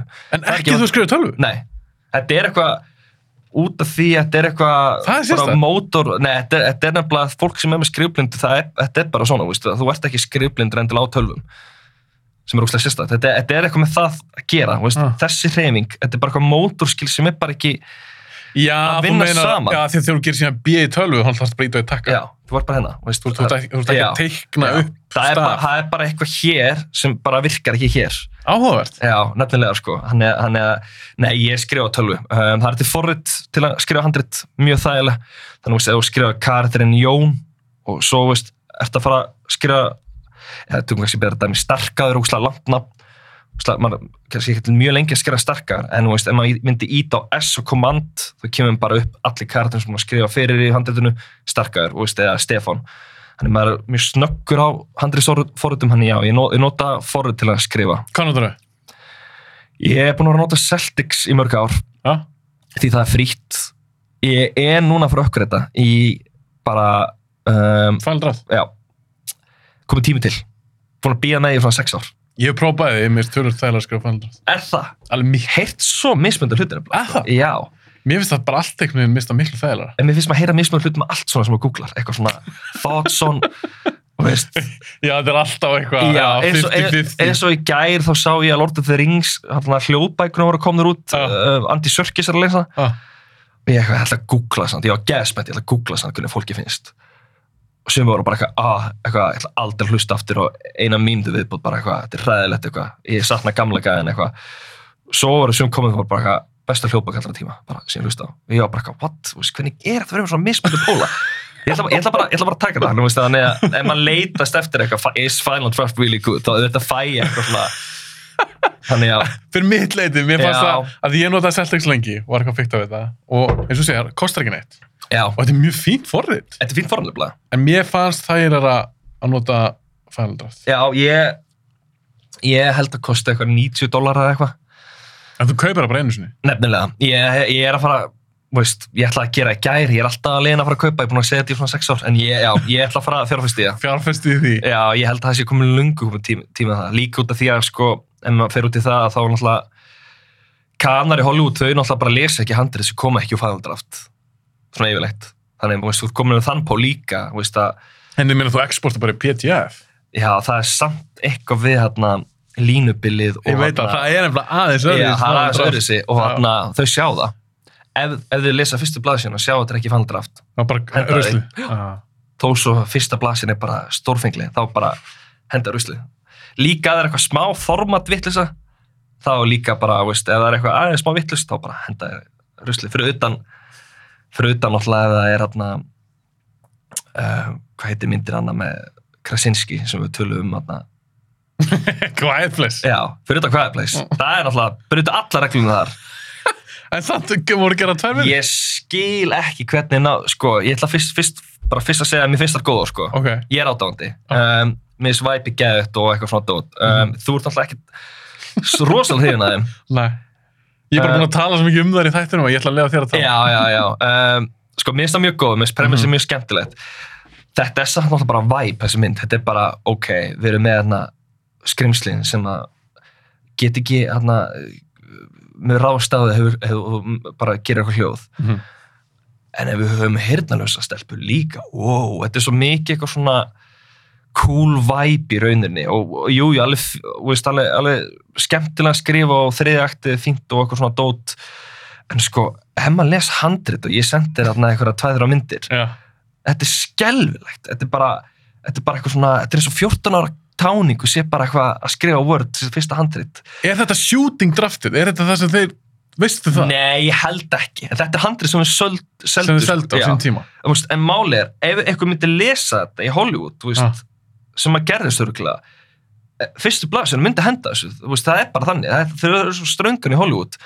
Hvernig þetta- kemst þið í gegn? Ég veit það ekki, það er það sem ég skil ekki hvernig þetta fór í gegn. Það hefur kannski bara einhver, einhver lesið þetta og verið bara, ok, það er eitthvað það sem er skemmtilegt. Það er Voru að ekki lýsa- tveir, dútar, sko, að Veistu hvort þeir hafa gert eitthvað? Ég er bara að pæla að voru um eitthvað sambönd eða eitthvað slik. einhver sambund við Krasinski held ég. Já, ok, það er kannski hjálpað þeim að koma sér í gegn. Held að umbóðsmaðurinn þeirra eða eitthvað. Þú veist, ég er að pæla, eru þeir tveir kannski geggjaðar sölumenn? Hittur, Það- Krasinski, Ég, bara að skilur hlusta- ég hlusta á podcast nefnilega, Ah, þar sem þeir eru tennir í viðtal, ah, fara ekki um allt ferlið. ah. Því ég var bara svo ótrúlega, sko, eh, bara fyrir fólk sem var að hlusta, þá var er hann skrifað þannig að það hann að, þetta pínus og 14 á drengur sem að skrifa þetta stelpa, og veist þetta er eitthvað svona, þau, þeir eru að lýsa myndinni bara eitthvað, allt í hennu sjáum við skrimsli sem er ótrúlega stórt, allt í kapslokk og það er ræðilegt og þau eru öskrandi og, og grátandi og, og, og, og, og þau eru öll ógeðslega hrætt og fullt af upprómerkjum, þannig er handið að skrifa þetta er 100 blaðsjur og bara öll, allt í kapslokk þetta meikar ekki sens eitthvað sem bara má ekki handrið þú mátt ekki eitthvað íkja hlutina eitthvað svona, eða bara gera já, þetta, þetta er fáralt allavega Þetta líka, lítur svo ít út líka. þetta, þetta er svo skrítið en, en hann að, já, ég eitthvað, hlusta podcast mannanda mm Mhm. þetta, þetta handrit draft sem ég las, það fór eitthvað á milli stúdíu Ah. sem við leist vel á væpið, hugsaðu bara ok þetta er low budget mynd þú þarf ekki að sína skrimslin, mm Mhm. þannig sé um, ok, þetta er auðvitað þetta mega money fyrir út frá þessu og ég held síðan þá að að að þeir hafi bara veist, einhvern veginn sagt við öll stúdíu þið ætla ekki, þau sögðu alltaf nei síðan sko, þið ætla ekki að gera það, þá ætlum við bara að gera það bara eitthvað. Ég þetta fjármagnin Já, sjálfur? við munum gera það, þeim munum missa sjúklega milla peninga mörg stúdíu beita ekkert agni bara, já, ok, þau, veist, ok, gerir bara myndina, skilur Ah. þau sögðu þetta aftur og aftur, aftur. þá er til eitt stúdíu það er bara, ah, fuck veist, bara, við vitum að þetta mun búið til pening bara, við þurfum að fá okkur inn held að Krasinski var eitthvað teindið því stúdíu Ah. held að hann hafi komið og fiffað þetta til og eitthvað svona dót Mhm. um, þannig að þetta yrði allavega að hætta að skjóta þetta skilur og veist, eða, veist, því að fyrir mér er eins og að lesa þetta það hafi bara verið eitthvað 25 ára gæjar að skrifa handrið fyrsta sinn bara eitthvað með í bjórnum og bara eitthvað að vera að lýsa, lýsa bara cool hlutum Ég er bara fullir. já, því að þetta er svo skrítið þetta er, þetta er skrítnasta handrið sem ég lesið og ég eiginlega trúði ekki því ég sá að handriði var búin að leika handritinu eða þú smakað downloadaði, Ja. þá var ég bara, ó, tjóðlega spenntur að lesa þetta, því ég var búin að sjá fyrir mig alltaf hluti, en svo var ég bara eitthvað fyrstu blaðsinn, ok, það byrjar svolítið skrítið eitthvað, þeir eru bara eitthvað öskrandi í handritinu, ok, aldrei aldrei sé það á ræðinu minni. Já, bara öskrandi lock. bara, já, bara eitthvað, þau læðast bara eitthvað, maður er bara eitthvað þetta er svo fyrirlegt, svo bara eitthvað, ok svo er það hann bara 100 blaðsjur, veist, þetta er svo skrítið þetta er bara ég held að þeir bara eru mjög hefnir en vel gett þeir þú veist, Já, ég meina þeir náðu góð eh, Þeir grættu pening, sérst góð, myndin. já, þetta er góð grunnhugmynd. Um, sem skiptir náttúrulega bara mestu máli sem var bara executa fannst mér vel. Þið fannst það ekki, en mér fannst það. Um, Já, ég meina, þú veist, ok, sko, ég starta þessum já, ég starta Einmitt. í þessu kvimdahámanagrúfinni. þá sem ég á basically að spyrja ástafir í starta þessu þræði það var ekki þess að tjekka hvort þú fólk fíla hana. Nei, að þú veist, ég fíla fullt af myndir sem eru heimskar, skilur einmitt, einmitt sem að, ég, ég veit að mér er svona aðeinslega þú getur alveg sagt, býtu, hæ, það er hann að stúpid. Já, já, já, já, en oft allavega myndir, eins og ég fíla rosa margar slasser myndir. Já, já, já. basic formúlu myndir og Einmitt, þú veist, þú nákvæmlega, getur sagt, nákvæmlega. af hverju tók þessi kart þessi ákvörun einmitt, einmitt. En það eru oftast ekki að fá 90% á fyrir Nei, já, startaði já, þræðinu já. þetta er svo eitt, félag minn, hann fílar þessar myndir. Mhm. og ég spurði hann, þú hvað myndir gefa mér einhver, kannski fyrir 0-10 já, hann setti svona 6-5 þú veist, mér varst gana að fara í bíó og fína myndir ég var raun ekki að tala við það fólk að þegar allir þannig myndir svona uppáhalds eða eitthvað að að þær fengur svo svakalega góða dóma já, reyndar. Ertu sammálað því? sko, mér finnst Þú veist, er það nýja? mér finnst það vera létt átta sterk sjö. Já, þú ert alveg í átta. Sjö sterk sjö. Svona, já, ég sko ég mér fannst fæðingaatriðið þegar hún er að fæða. Mm -hmm. það svo fucking sturdlað það er svo ógeðslega mikið vision í því. Mm -hmm. og þetta er náttúrulega mjög mikið vision í þessara mynd sko, sem ég finnst gaman að sjá. Veist, það er lítið tala og eitthvað svona dót. Mér finnst fæðingadrið sjálft vera bara svo ógeðslega gott. Veist, ég, og veist, ég maður því að horfa fyrst sinn. Ég var bara, hjarta mitt var á miljón Mm og ég var bara, hvernig ætla að gera þetta? Og, og, veist, og hvernig það var executað. Mér finnst það vera svo sturdlað það hýfur eiginlega myndinu fyrir mér að þetta sé ekki bara einhver menjulega hryllingsmynd sem um, er bara svona fín. Mér finnst hún vera bara þetta eina atrið gera hana svo ókslega góða sko, finnst mér. Svo finnst mér príkóli vera frekar fínt sko. Um, Príkólu nei, framaldið minna ég Já, já, já, já, já, já, já, það náttúrulega eru príkól atrið Já, hann- já, einmitt, nákvæmlega. Ok, þannig að þú, já. En það er samt stór munur á 7 og 9 það er það nefnilega veist, nýjur eru þú veist, ég geti satt Inglourious Basterds sé sterk nýja, jafnvel tíja veist, nýja er alveg þar, bara mynd sem bara maður kemur á bíó og maður er bara, wow, þetta er einn besta mynd ég Já, nýja, nýja er alveg þar, sko. 9 er svona alveg að slag í masterpiece já, nefnilega, nefnilega. Þannig að það, það komur óvart. Já, ég, ég er andalega sammála, veist, 90% Rotten Tomatoes, ég hef kannski búið svona 70%, 80% Já, veist, ef, ef þeir hefði segjum við báður að fengi bara, segjum 75 já, hefði ég ekki eins og startað það nei, einmitt. Skilu, ég bara velta þessu fyrir mér að því að audience score á Rotten Já. og svo gaggrinda skorið já, það er náttúrulega ekki það sama. Nei, einmitt. En ég held sér báðar með bara slæði 90 Já. Svo bæði áhörundum og gaggrindum er það kannski bara út af því að veist, áhörundu frá bandarækjum sjá kannski ekki oft thriller eða, sko hrollveikju sem eru svona ferskar eða, já, svona high concept myndir? Já, einmitt. Sem, með, með kannski svona með það markmið að segja góða sögu, skilur ekki með það markmið að þú veist, það er klálega markmið myndarinn það er að segja góða sögu frekar en að vera eitthvað að bregða eða vera eitthvað já, meira svona típisk hryllismynd Já, svona... er, það, er það bara ekki það? Er bara ekki gett auðvitað að vera bara, "Ha, þetta var svona góð hryllingsmynd, ekki eitthvað svona léleg. Er, er þetta bara ekki það? Er þetta ekki bara, þú veist, út af því að svona, hún er aðeins dýpri enn þessar hina myndir, þú veist, það er aðeins eitthvað svona, ok, þú ert með heyrðum þessar stelpu í heimi sem að, maður má ekki segja neinn hljóð. Nó, já, mátti ekki gefa henni Já, veist, og þú ert með, það sem þeir gerðu náttúrulega var bara, ok, þetta er skrimsli, þú ert að flýja og mátti út í fyrir hljóð, þá ertu döður hvernig getur gert það erfiðara? Þú veist, þetta er eiginlega bara svona 101 hvernig maður getur gert allt erfiðara. Mhm. og meira frustrerandi og meira erfiðara og og þá bara, herru, hvað einn stelpan er heyrnalus ok, strax það aðeins flóknara. Erfiðara. Og konan er fokkin ólétt. Mhm. hvernig mér hún geta, geta fætt bann á þess að öskra? Þannig þeir búa reynum bara til alls konar þú actions eða game í þessari hugmynd sinni Mhm. sem er bara eitthvað væp þannig er verður myndin kannski aðeins dýpri og eitthvað svona og eitthvað svona, ég veit ekki, ég veit ekki. Þetta er, en mér fannst það áhugart líka Já. að því að sko segjum líkar hefur gert bara eina mynd. Sem hefur bara gert Quiet Place og sleppt já, og hún hefði fengið 90, ok. Ég er kannski ekki sammálaðin, ok, allt í góðu. En að þau kom líka tvö. Já. Með Cillian Murphy. Já, What? Að Killian Murphy. Já, Cillian Murphy, já, já, já. Cillian Murphy, já, Cillian Murphy. Frábæleikari og með hana framhansmynd og þá er svolítið svona hvað ég segja þegar þú sér fyrst Quiet Place. Já, og þetta er eitthvað nýtt, þú nærði ekkert endur taka það í tvö. Nei, þannig að þá getur, að því að ég gæti sagt kannski, að því ég er ekki mýnt landandi, þá gæti ég kannski sagt, já, kannski það sem var að hrífa fólk var konseptið. Þetta er eitthvað svona orginal ferskt, nýtt. En það er ekki í tvö.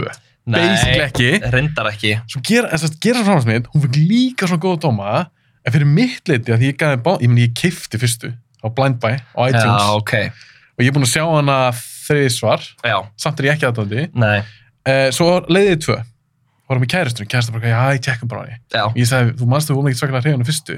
Nei, ég er samt til í það. Ég sagði, ok. Ég var búin að heyra hún verið með þess að betra neitt ef eitthvað er. já, já, Þannig ég tekka hann með opnum huga. En gæðilega séð fannst mér bara að vera á sama stað.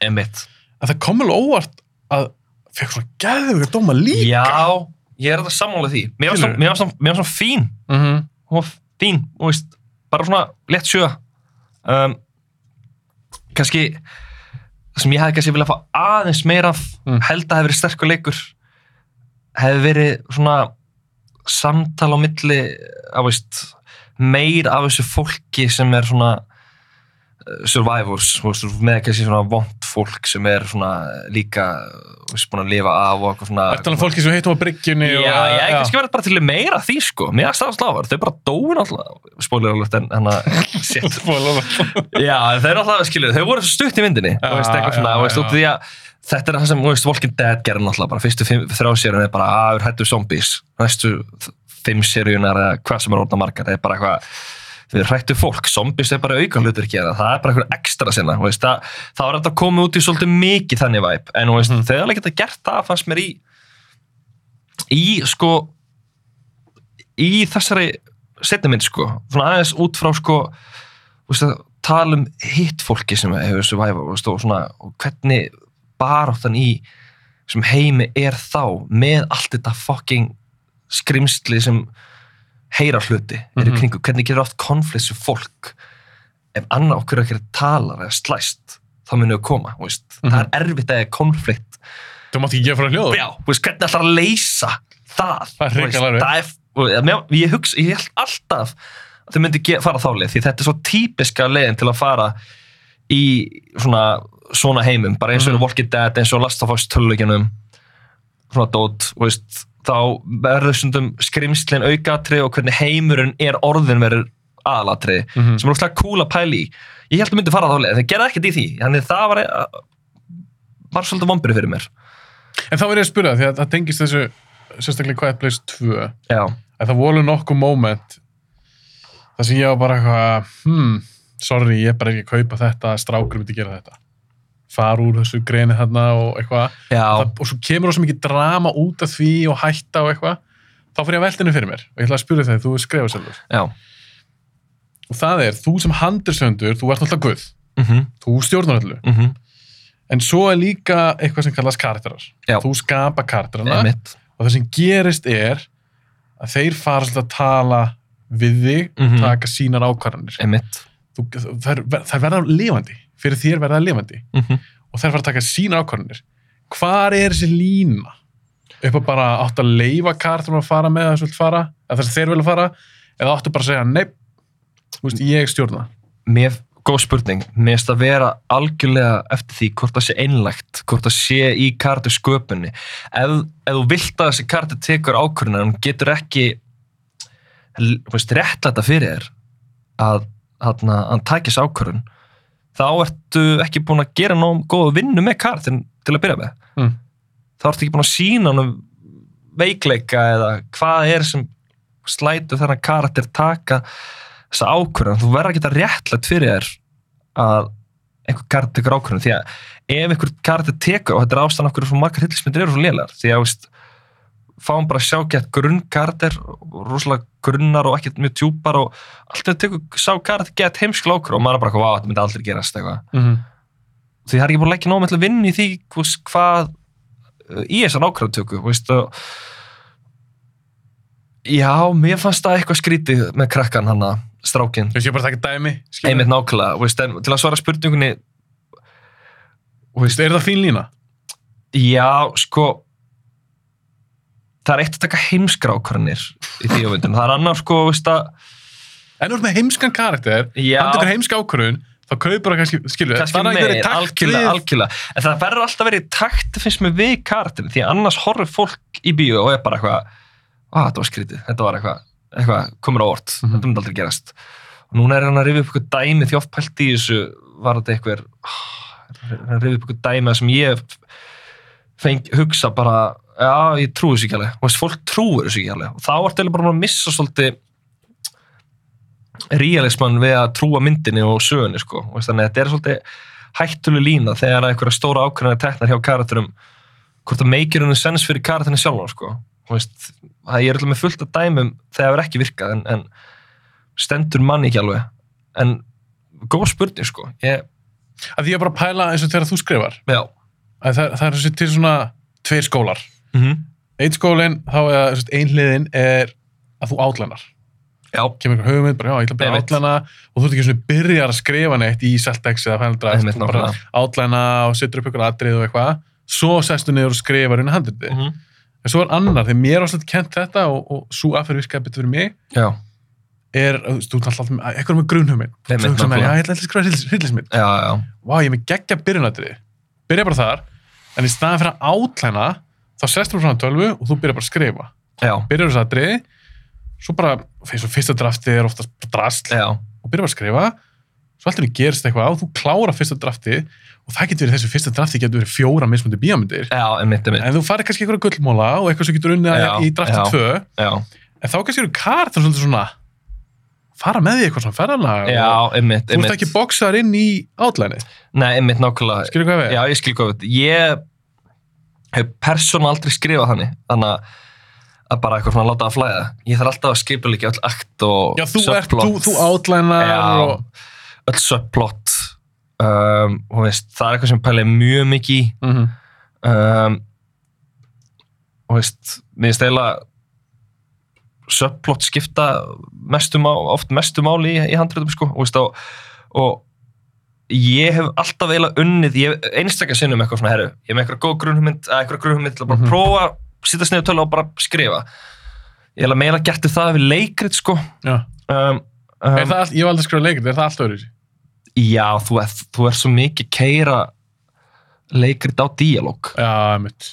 og það er, það er erfitt líka að skrifa leikri sem gerist á mörgum mismöndu stöðum veist, Já, já, veist, ég nenni því aldrei. Ef ég skrifa leikri þá vil ég að gerist bara á sama stað í rauninni. Já. Þa, þannig, uh, því það er auðvöldara og það, man, og veist, það er veist, og hann að ég er samt alveg séð fullt af leikriðum sem auðvitað bara gerist á mörgum mismöndu stöðum og er bara geðvett skilur, það er Mm. náttúrulega bara meina Shakespeare og leikandum voru þannig að þau gerðust út með allan, he, bara, allan heim skilur og það náttúrulega var ekki til kvikmynd að gera skilur, þannig að en, en þú veist, leikhúsi já, það er þá hefur ég bara unnið þannig veist, að ég hef kannski með eitthvað grunnum pröfa bara að skrifa mig áfram bara, og læta svolítið karakterinu bara bara, bara verða til bara, já, já. veist, og það, það finnst mér mjög skemmtilegt. En já, ég ég held sko hérna En þá verður ég að spyrja, þú, að þú átlænar, Já. þú pælir svo mikið í Já, pælir, subplot og svona, já, að þegar þú byrjar að skrifa, já, og ef að þú finnur bara eitthvað, wow, ok, þú veist, ger, það gerist náttúrulega einhvern tíðan fyrir því, já að karakter gerir eitthvað eða segir eitthvað, þú er bara eitthvað svona, wow, býtu, ég var ekki búin að plana þetta. nei, já, 100% Og hvað gerur þá? sko, Þú veist, áttu auðvitað með að brjótast út úr átlæninu eða teka hann tilbaka? sko, ég ef það kemur eitthvað svona allt innu bara eitthvað, ég er að skrifa og svo allt innu teki bara eitthvað upp, bara, wow, betur hvað er fyrir þessa leið eitthvað svona, veist, Mm. þá þá Þú veist, leifur þeir að kanna það? leiðir mér að kanna það, 100% það er mjög, bara áhverjastöðinu hluti gera svo þannig, þegar ég handriðskrifu bara eitthvað svona, veist, enda eru grumhundur, logglæn og söflott oft bara eitthvað svona semi-excel-skjál hvernig getur þetta virkað sem mynd? Mm -hmm. en þú veist, þú vilt alltaf ekki endilega skrifa mynd sem endilega virkar. Þú vilt skrifa eitthvað sem er gott og kemur unni frá aðstaldra að segja hjartanu eða eitthvað slíkt skilur, þú veist, og veist, auðvitað vera moment þannig til hjá mér þau bara hafa ekkert endilega eitthvað hafa ekkert alltaf haft eitthvað rosalega áhrif á loklænið aktin þrjú eða heildarmyndina, það hefur áhrif og það, ef það er bara fjandi gott skiluru þá hefur alveg endað í það að ég þurfa að gera bara nýtt draft. Já, það, já, það er já, bara svo já. sterkt þetta moment sem ég bjóð til og breytir bara allir sögunni að ég þarf bara að skilja nýtt draft. Því að núna bara, þú veist, bara forsendur eru breyttar og eitthvað skilur og það er bara slag pyrrandi þegar það gerist. Það var eitthvað svona, aah, eitthvað svona ég hef alveg verið, þú veist, andvakandi fimmur nótt eitthvað, af hverju fekk ég þess að bara eitthvað, ég þarf að byrja upp á nýtt, skiljur ég er svo mikið að þarf að byrja upp á nýtt, ég er svo erft með að endur skrifa atriði sem ég er búin að skrifa. Ég er eitthvað verið að hrinnskrifa allt aftur sem er kannski ekki sniðut, en, en hana, ég á mjög erft með að endur skrifa Það er erfiðast, það er endur sko.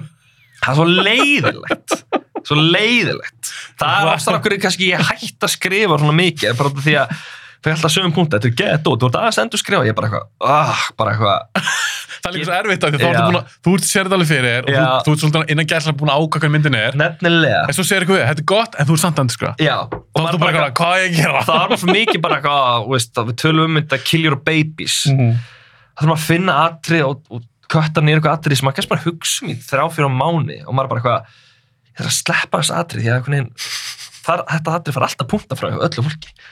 Hvað, ég sé það ekki en ég verð að taka þetta út að veist, ég verð bara veist, og, maður verður sko veist, ég er mjög gaggrínin á mín einu hugmyndir og eitthvað en þegar ég er búinn að skrifa handrit fyrsta, sko, fyrsta klukkutíma eftir ég er búinn að skrifa handrit þá er ég bara bara ég er sky high sko. Ég er bara wow, Þetta er geggjað, þetta er geðvitt ég vil ekki lesa það samt. Ég vil bara láta það vera í heilan dag og bara vera bara, þú veist, væpin bara í einhverju sko í einhverju vímu sko bara að vera búin að skrifa handrið sem er fyrir mig bara besta handrið bara, þú veist, líku við, veist, maður er bara þar, þú veist, maður klárar, Mm. finnst mér allavega svo svona daginn eftir fyrir maður að hugsa, byrju, já kannski les þetta, kíkir hans, opna töluna, maður svona les búin með kannski fimm blá sem maður, ah, veit ekki alveg með þetta þá kemur downfallið og maður er bara, þetta, veist, að vera handrið þetta er svo mikið bipolar líka dót maður er bara eitthvað svona veist, líka þegar maður er að skrifa, maður komin eitthvað og maður er bara sem maður fá eldingu í sem maður bara, já, já, já, maður fyrir eitthvað flow, þrý tíma farnir og maður er bara eitthvað,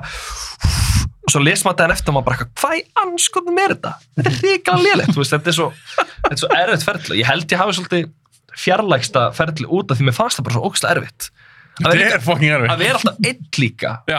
og líka sko að senda fólki sem maður treystir. Sem maður vonast eftir er náttúrulega bara, bara þetta er fullkomið eða Þetta eitthvað. er snill, þú ætti ekki að endur skrifa en neitt. maður er að byggja um punta til að byggja um punta. Auðvitað. svo koma einhverju puntar og veist, herri, ég, ég ger nokkra punta. Og það er kannski einn blaðsíða punktu maður er bara eitthvað já, já, ég er þetta alveg sammála. Eitthvað svona, já, þú segir að þessi punktur er já og maður er bara eitthvað, "Á, þetta er fokkin umöðulegt en veist, þessi punktar er eitthvað persónlega þetta er bara eitthvað svona, að þetta geti verið betra. Eitthvað svona, veist, að ég myndi sleppa þessu veist, og alveg valið dót. Og kannski eitthvað sem maður vissi innist inni og maður er bara svona, ah, fuck. En málið er, við handrit, eins og þú veist sjálf. já, Ef þú færið eitthvað punkt úr, sem ég myndi lesa eitthvað því, ég myndi herðu, þetta er mjög gott, en ég myndi saman að þú kartra eða sleppa þessu og gera svona, hugsa, þetta er ekki svo að stróka brúta okkur tekningu. nei, Þú hugsa með þér, ok, þá þarf ég að fara alveg tilbaka. þetta er eitthvað control find og breyta öllum í Magnús nei, nei.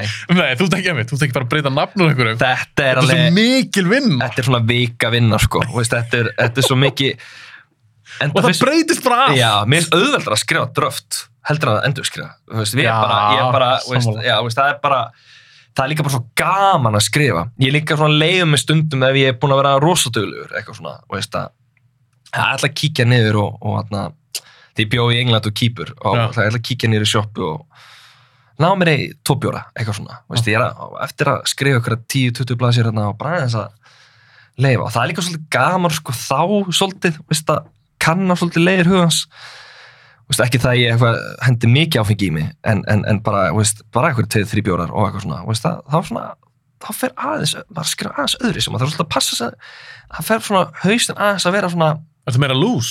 meira lús sko og náttúrulega, veist Ferðu þú í ykkur vittlisu? Nei, nei, nei, nei, ég líka passa mig veist, að aldrei gera þetta einhverju svona einhverju svona hefð eða, Já, nei, einhver svona vani. vani já, veist, bara, því þá gætir aldrei skrifa annars að vera fullur og það er eitthvað sem allir í Hollywood veist, upplega allir í Hollywood, er tölum í þessari bók sem ég las, það sögðu bara allir í Hollywood sem eru handriðsar eru bara alkoholistar bara eitthvað, veist, eða, veist Margir af þeim. já, margir Já. af þeim, veist, við, og maður heirt sögur Quentin Tarantino, sko, þú veist, að hann lókið sér bara af í svona mánuð og er bara með öll eitulif og eitthvað svona, ég veit ekki hvort þessi satt en, þú Ég veist, trúið. já, veist, það er bara, veist, það er kókain og það er, veist, áfengi, það er hass og það er hass, hljómaður þessu eitthvað svona Gras. það er hass, það er, það er, það er gras og það er, veist veist, og það er eitthvað sem ég geti aldrei ímynda mér að vera í einhverju þannig ástandi að, skrifa slíkt efni, veist, bara ég veist, mér fínt bara að vera búið með kaffibotla Já, eitthvað og eitthvað. léttur á þér. Fínt stundum að fá mér bjór, verðilega með sjálf á mig. Um, bara eitthvað svona, já, fá mér enna tvo bjóra eitthvað svona, para til að halda mér gangandi eitthvað svona. Og það hafa orðið til gett góðu hlutir þegar, þegar ég gert það, líka til orðið mjög slæmir hlutir, þannig að þetta er ekkert eitthvað svona eitt virkar fyrir mig og annað. Maður þarf bara svolítið að vera agaður, leifa sér að leifa sér að, veist, að, að verðlinu sé alls konar með að aga, því að fólk fattar kannski ekki veist, að það er líka bara ógeðslega erfitt í heiminum í dag að skrifa við erum alls ógeðslega háð símum, samfélagsmiðlum og já góða punktur. Þú veist að, þú veist, Að kúpla út ég hef erfiðara með að skrifa með hverju ári sko. Og ég er á Twitter og Facebook og finnur það bara. Ég finna bara sko, með hverju árinu verð ég aðeins erfiðara að skrifa og skrifa. Þú veist, og ég er búin að kaupa ykkur af nokkra sjálfsjálfa bækur. Hvernig, þú veist, ég er með, ég með, ég með bóku Audible sem er bara how to break up with your phone. Veist, ég er alveg þar. Ertu mikið í símanum? Ég er mjög mikið í símónu sko, um, sem er bara En þú ert hann að sér það sjálfur, þú við já, já, ég veist, ég veið ekki hérna og, veist, og, og hann að ég mann þegar iPhone-um byrja að gefa mér svona weekly update, hvað vart mikið í síman á hverjum degi. Þetta var eins og ykkur hafði bara sleið mann utan undir, það var bara eitthvað you spend 8 hours. Og ég er bara eitthvað nei, eitthvað 8 klukkutíma dag eitthvað tíma, það var eitthvað tíma því ég var bara að vinna óslega leðilega vinna og var bara alltaf í símanum líka eitthvað svona. Og ég er bara, það er ekki eyða heilum vinnu degi í að skoða síma, veist, samtals á degi, það Ég er er bara kæft í eitthvað algjör kjafta sem skiptir engu máli. Og já, en veist Það er miklu meira árið í dag. Miklu, Heldur það bara fyrir, ég veit ekki, 10-20 ára síðan. Já, ég man bara, veist, ég skrifa fyrst, það var bara MSN veist, og jú, var Facebook. Facebook var ekki með Messenger þá, held ég. Mhm. 2009, ég veit ekki, kannski var að koma ég man bara, Facebook var eitthvað skrítið fyrst það var, ekki, það var bara notifications. En Það var ekki komið messenger en nei, nei, nefnilega ekki. Og þarna, maður kýtti kannski svona tvekja tíma fresti, er ég komið notification nei, ok, held áfram í límit núna er þetta bara, veist, ég líka Twitter, ég er með virkur á Twitter sko, og þannig að Svo er Instagram, TikTok, Snapchat já, ég downloada TikTok um daginn. Ó. ég hugsa, ég mun ekki vera eitthvað svona mikið fyrir TikTok. Nei, nei, algoritmi er náttúrulega svo störtlaður og veist að þegar algoritmi fattar hvaða fílar sem tekur kannski tvo daga þá er þetta bara eins og heroin Þá ertu fucked. Bara fucked og ég orðin fucked sko. Bara ein klúsefferð í símanum og TikTok. Ert, þú ert komin í bara þú ert- bara læstur inn í TikTok. Bara einhverju stórkostlu helvitis algoritma. Og allt sem þú fílar og allt sem ég fíla. Þú veist að það ertu með mitt sko veist, ég, kom, ég, veist, ég fæ myndbönd á TikTok sem er eins og bara hvernig þetta lag var búið til? Eitthvað, veist, eitthvað, geða eitthvað lag og þá tekið, þá sínt eitthvað sampul frá 1960 og eitthvað jazzkljónsett og ofan að það kom eitthvað rap frá 80s og ég er bara, vá, þetta er sturglað og veist, og bara það ég kláraði myndbandi þá minn ég fá eitthvað svipa efni og veist, eitthvað algoritma svipa og, og líka þar er komað svona kvikmynda dót eitthvað svona eitthvað svona, eitthvað svona kannski skemmtilega staðreindir Já, eða eitthvað eitthvað svona dót Já. og ég er náttúrulega bara að klára það því ég er eitthvað svona, "Ó, ok, eitthvað svona Did you know about Jurassic Park, eitthvað svona Já, eða tókstu til þessu í, í Dark já, Knight já, og maður bara, eitthvað, hvað? eitthvað, svona eitthvað svona one theory that nobody eitthvað, Já. eitthvað alltaf sama röddin eitthvað svona kana gæi sem talar eins og sé að tala um conspiracy theory eitthvað svona, þetta er bara eitthvað did you know that, eitthvað maður eitthvað svona ok, ég er involved eitthvað bara, engaged við þetta, en veist Þetta er cyberdrug. Þetta er algjör cyberdraug og líka, veist, ég var að eignast páukök fyrir þreim mánu síðan ah. og ég eitthvað læka eitt páukökuvídeó um daginn. Og núna fæ ég endalveg svo páukökuvídeó sem ég finnst ekki gaman að horfa á, því það er eitthvað svona veist, veist, algoritm minn er bara eitthvað svona páukökar, kvikmyndir hvernig lög vera til. Og og hérna og eitthvað svona dót bara sem að ég hef áhuga á. Það er bara því við, bara TikTok þekki mig betur en ég sjálfur. Ég það er bara það. þannig. Og þetta, er hræðilegt sko. Og veist, ég bara Og svo endalust af efni. Þú getur ekki ég klára veit það, ég veit það. Og líka bara það eitt eitthvað Hvað er næst? Hvað er næst? hvað er næst? þannig að, já, vegna er svo gott að fara ég með því sund líka, því að þá bara veist, ég myndi aldrei taka með mér sund nei, hann að síma í sund, þú veist, þannig að Já, þú fær þá, þú verður að gefa sér ver, pásu já, þú verður, verður að hafa pásu og, En þú fyrir bíó Ekki sem sett símar þá nei, ég hata fólk í bíó ég held ég að fjarlæga svolítið bíó undanferð og ég bara hata fólk í bíó, hvernig að hafa sér Ok, er hvernig, hvernig þá? sko, ég og hann Willi Neto, hann Já. að vinnu minn hann Já. að við erum góða vinnir og við höfum talað um þetta í mörg ár. Leikarinn.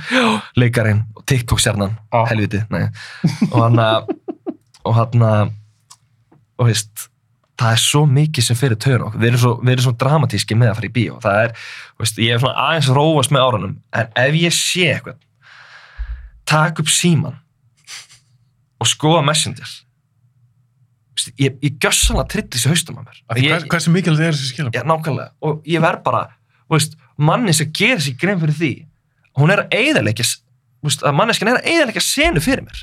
Þó svo að þetta eigi að trubla mig, þannig sé, þetta trubla mig. Ég held að, ég held að sé út af því ég er með ADHD, er eitthvað svona, en þú veist, eitthvað ljós þarna og ég er eitthvað, hvað er svona mikilvægt að sko síma núna? Akkurat núna. Og þú veist, akkurat núna. Og það, málið er sko, Íslendingar eru skömmunni skári en allar aðra þjóðir, held ég. Ég, ég hef prófað að fara í bíó bandaríkjunum og ég er samanlegaður. Alltaf Já. mín reynsla þar var að þau tala miklu meira. reynsla mín í Kýpur er svo allra vesta ég fór að lalaland þar Og hvernig er fólk þar? Í bíó? Þau eru allir tíminn í símanum. Allir, og þau eru allir svona og svo svona hlæja, eitthvað fyndi atrið og svo eitthvað, "Á, það er komað gott atrið núna. Ég ætla aðeins að horfa, vera satt með síman í lóanum en er allan tíman Ég er frá kvíðakast. ég veit að ég sko, ég sko, ég sagði við konum hérna, við ætlum aldrei aftur í bíó í Kýpur, bara, þetta var, við fórum einu sinni í bíó, Já.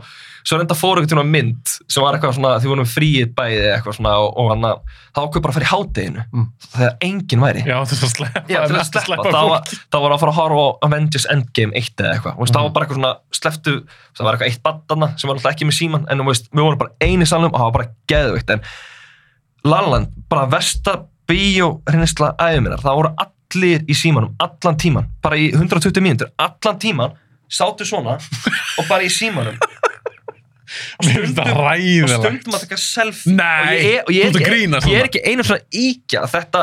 Veist, ég er alltaf með fullt af samtala á Facebook bara stráka, ég var að koma á Lalaland og ég er í sjokki því þetta var bara, veist, Villi hefði verið hana Villi hefði bara sko tekið einhvern reyðan Portugal á þetta gjössalega trills, því hann er viðkvæmur en ég sko, fyrir þessu, hann er alveg bara veist, ég verið meina bíó þar sem hann er eitthvað og ég eitthvað hvað bara heyra svo mikið í poppinu hlinn og mér er eitthvað, Villi fólk má geta pop, slaka Við eitthvað. skulum ekki að skamma fólk kannski fyrir það. Nei, alls ekki, en já, vilja, vilja og ég held að vilja að skrifa grein og sín, sínum tíma eitthvað tíu hlutur sem pyrra mig held að maður fara að kvimur.is, nógsla fyndin bara tíu hlutur sem fara mest í tauguna með því fyrir bíó og, veist, og ég tengi mér margt við það, en svo líka sögum myndir sem eru bara ekkert góðar fyrir þetta bíó eins og Quiet Place, að fara hann í bíó er bara slá erfitt því það, veist, Já, já. Maður. Já, já.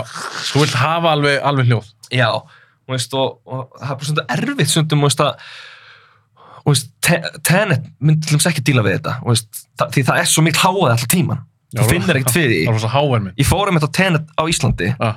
fór síðan á hana Breitlandi og ég var með bara bresku vinni mínum og, Mm. mm. og konu minni þau þurftu að spyrja mig eftir myndina hvað gerðist í myndinni því að maður heyrði ekkert hvað fólk var að segja Nei, það var reyndar, ég tók þetta, það var margir sem kvörtu undan því það sem er ekki texti. mm -hmm. Eins og þessi bandaríkjunum var ekki texti. Nei, á Englandi ekki texti einmitt. þau voru bara, Thomas, þú ert að útskýra og ég ekki að útskýra Tenet fyrir þeim Svolítið að Nolan geti ekki útskýra Tenet þannig sé skilur. Nei, og veist, og, og, og hana og veist, ég var meira sem að horfa á YouTube-vídeó Tenet Explained, eitthvað tveir tímar og ég gæti ekki sagt þeim hvað gerðist.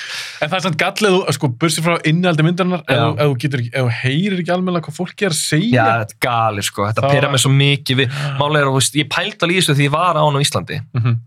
það var svolítið hátt hana hljóði slanna bátatrinn sem var bara eitthvað Kristján Óla sína að sjáu hvað ég get gert cool skrýta hluti, eitthvað svona eitthvað geðt skrýti væp en, en já, en hann að En finnst þér Íslandika skárri? Með Símon Nótgun og svona miklu skára, við erum miklu skára breyta voru meira svo slæmi sko. Um, þau meira þess að meira þess að bara, ég held að sé almenn kurtis og virðning hér á Íslandi með að við aðra þjóðir. Já, ég fer meiri bíó. Ég held ég far oftar bíó á Íslandi síðan sex ár, þó sé ég ekki búið mikið en heldur en gert í útlöndum, því ég bara, ég get þetta ekki. Ég get ekki sími bíó veist, og ég hef meira að verið það slæmur að Já. þegar vinu minn, eða vinkona kannski ekki eitthvað góðu vinu minn eða vinkona, já, setur í story eitthvað mynd að hún sé í bíó og það er ekki, og það er ekki veist, bara tætúli heldur, það er atriði greinilega. Ég hef eitt í Instagram. Ég hef eitt í Instagram og Snapchat. En það er líka bara glæpur gegn mannkynni. ég veit og, og, og, veist, bara, og veist, það er eitthvað og ég man eitthvað tíma og ég vilja samilega vinkuna, ég móna að hún er aldrei fatta hver, hvort það sé að hlusta Hún er ekki nafngrind. hún er ekki nafngreind sko og hann hann eitthvað sendir mig sástu stórið hjá Þessari. og ég eitthvað, já ég sá það. Ég er búin að eigðinni, já ég líka. Veistu, við erum alveg þar, veistu, alveg, við erum alveg svolítið já, en ég myndi líka bara vera svo svektur hana sem hana leikstjóru myndir og handrisöndur fólk væri bara eitthvað borgu sinn Þetta er vannviri. já, þetta er rosalega valmýring sko Þú veist að horfa á listaverk. já, Og alveg sama hvað, mér er alveg sama hvernig myndu þú fara á. Hvort þú ert að fara á Transformers 4 eða Godfather. Þú ert búin að köpa með það, ef þér finnst hún alveg hræðileg, farða það bara út. farið bara út Þú Það er enginn að halda það inni. nei, einmitt Ekki vera eiginlega myndina fyrir öðrum með eitthvað svona símakjafta. og líka, veist, að tala og notaði innröddinu þarf að tala og tala þá yfir atrið sem eru há. Ekki eitthvað svona ekki eitthvað svona, veist, James Bond sendur með byssu og bara það er dauða þögn og einhver er eitthvað, þetta er svolítið gól atrið haltu ég fyrir þig og þarf ekki að segja það. Og veist bara já, þetta er þetta er mjög viðkvæmt mál, ég held ég hafi, ég held sko ég hef verið að fara svolítið lítið í bíó. Veist, það er þrjá myndir sem ég ætla að sjá í bíó. Ég er ekki búin að sjá Dune, skammast mér fyrir það. Mhm. ekki með svona James Bond. Og, og eftir að sjá hana Þú, frens, þú er bara stressar að fara já, út af því ég bara á svo slæma reynslu frá Kýpur og Englandi. Ég held ég þurfi bara að detoxa mig og fara bara núna að enda þessu bíó. Gefðu okkur séns, Íslandingum. Gefðu okkur aftur séns. út, út af því að sko þú veist, alltaf þegar ég sé eitthvað bíó þá er alltaf svona, já, mér langar að geta að fara bíó. Svo er eitthvað svona, ah, en fólk fólk, En, fólk, en varst þú þá hlindur kannski mögulega þegar að Warner Bros. tóku þá ákvörðun að gefa út myndina sínar sama dag sérst í bíó og HBO Max? Sko. Hugsaður með þér, fæði þá getur bara ástæða þetta heima. Fyrir mig personleiti þá já, að einhver leiti. Ah. um, en þú vilt sjá myndir svo djún í bíó? Já, nefnilega. Stóri tjaldi og ég er búin að vera að ætla að fara á Dune núna mjög lengi. Um, máli er, og veist, ég bý í breiðolti og hún er, hún var alltaf sínd í mjóttinu og ég ætla alltaf að fara í mjótt, svo þegar ég ætla að fara hann þá var, var hægt þar í síningar mm. núna er hann eigin svo klukkan tíu alltaf, Mhm. bara eini síningatímin sem er fýtt síningatími nema veist, að kona mín þarf að vakna átta um morgunin og henni er langar líka mjög mikið að sjá hana og veist, þannig að veist, hún þarf að vakna sjö veist, og svolítið erfitt var að koma heim rétt fyrir tvö eitthvað sérstaklega eftir því sem maður eldist mér er bara að veit finnst þetta það. erfiðara sko. Já, þetta byrjum svo að vatna þunnu sko. Veist, maður er bara eitthvað svona þetta er fjarað fimm tíma sef, maður er bara eitthvað hvað er ég að gera sjálf á mig ertu ballus? já, ballus um, þannig að já, ég er þetta með luxus með varðið það um, en, njóttu þess já, nákvæmlega, nákvæmlega um, ég er þetta að gera veist, hverjum degi sem ég vatna, ég er bara, oh, ég vá, bara, þetta er svo mikið fórt og veist, bara eitthvað, veist, og svefns bara yfir höfum ég veit það veist, og, og svefnir eitthvað svona veist, bara, en ég næ ekki átta tímum þá bara, ég er bara pyrraður og ég er bara þunnur rauninni, haustum á mér. Hann er svo mikilvægur ég veit það, þetta er fáralegt sko, það er nefnilega bara allar rannsóknir sína núna hvað svefn er bara mikilvægst til að halda hilsu bara, ég, ég las sem eitt bókina sem að margir búin að lesa. Matthew Walker hann að bókin, já, já, Why We Sleep. Já, ég las hann líka. Það er bara heila bók það sem hann byrja að tala um hvað Já. svefn er mikilvægur. Já, mér var svo óþægilega sko fyrstu tíu blaðsjónar bara eitthvað byrjuðu bara eitthvað rannsóknir bara að sína að þú ert 50% meira líkur á hjartafalli og og var bara wow, bara eitthvað ég eitthvað, klukka var eitt og nótt ég var að lesa hann eitthvað. Það var svo, já ég var alveg pínur svona kvíðin að lesa hann sko, Já. ég var bara þetta aðeins að kúpla mig út svona ok, ég, þú vart greina að fara að vinna í þínum sveppskilur og, veist, og, hann ég fekk móral því að búum bókina Já. ég var bara eitthvað shit. Ég reyna hann átta tímum en ég bara eitthvað fuck ég fór að svo hérna hálf tvö og já, einmitt, einmitt, nákvæmlega, nákvæmlega. Mér er bara illa. Ég nýtti auðvitað gósa því núna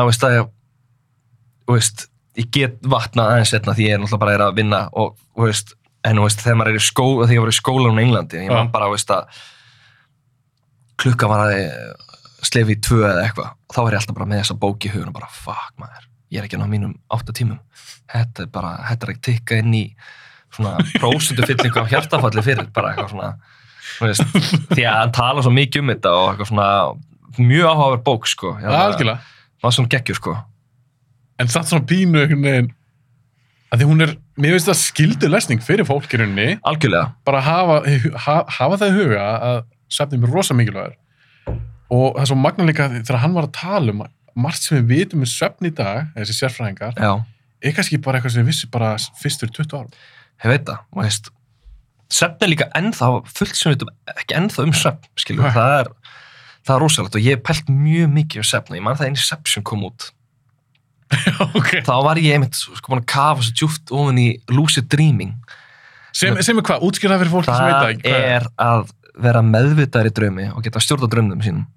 Fylgta fólki er núna bara að það er ekki til. Jú, það, það er til. Það er nú til. það er til sko og, þarna, og það er mjög fyndið því að þeir eru með svona tokens í myndinni til að vita hvað þessi að dreyma ekki. Já, hann er með skoppara nákvæmlega. Og þú getur rauninu nota það í alvörunni. Og það er talið verið svona besta trikki til að og byrja ekki að stjórna drömmu sínum.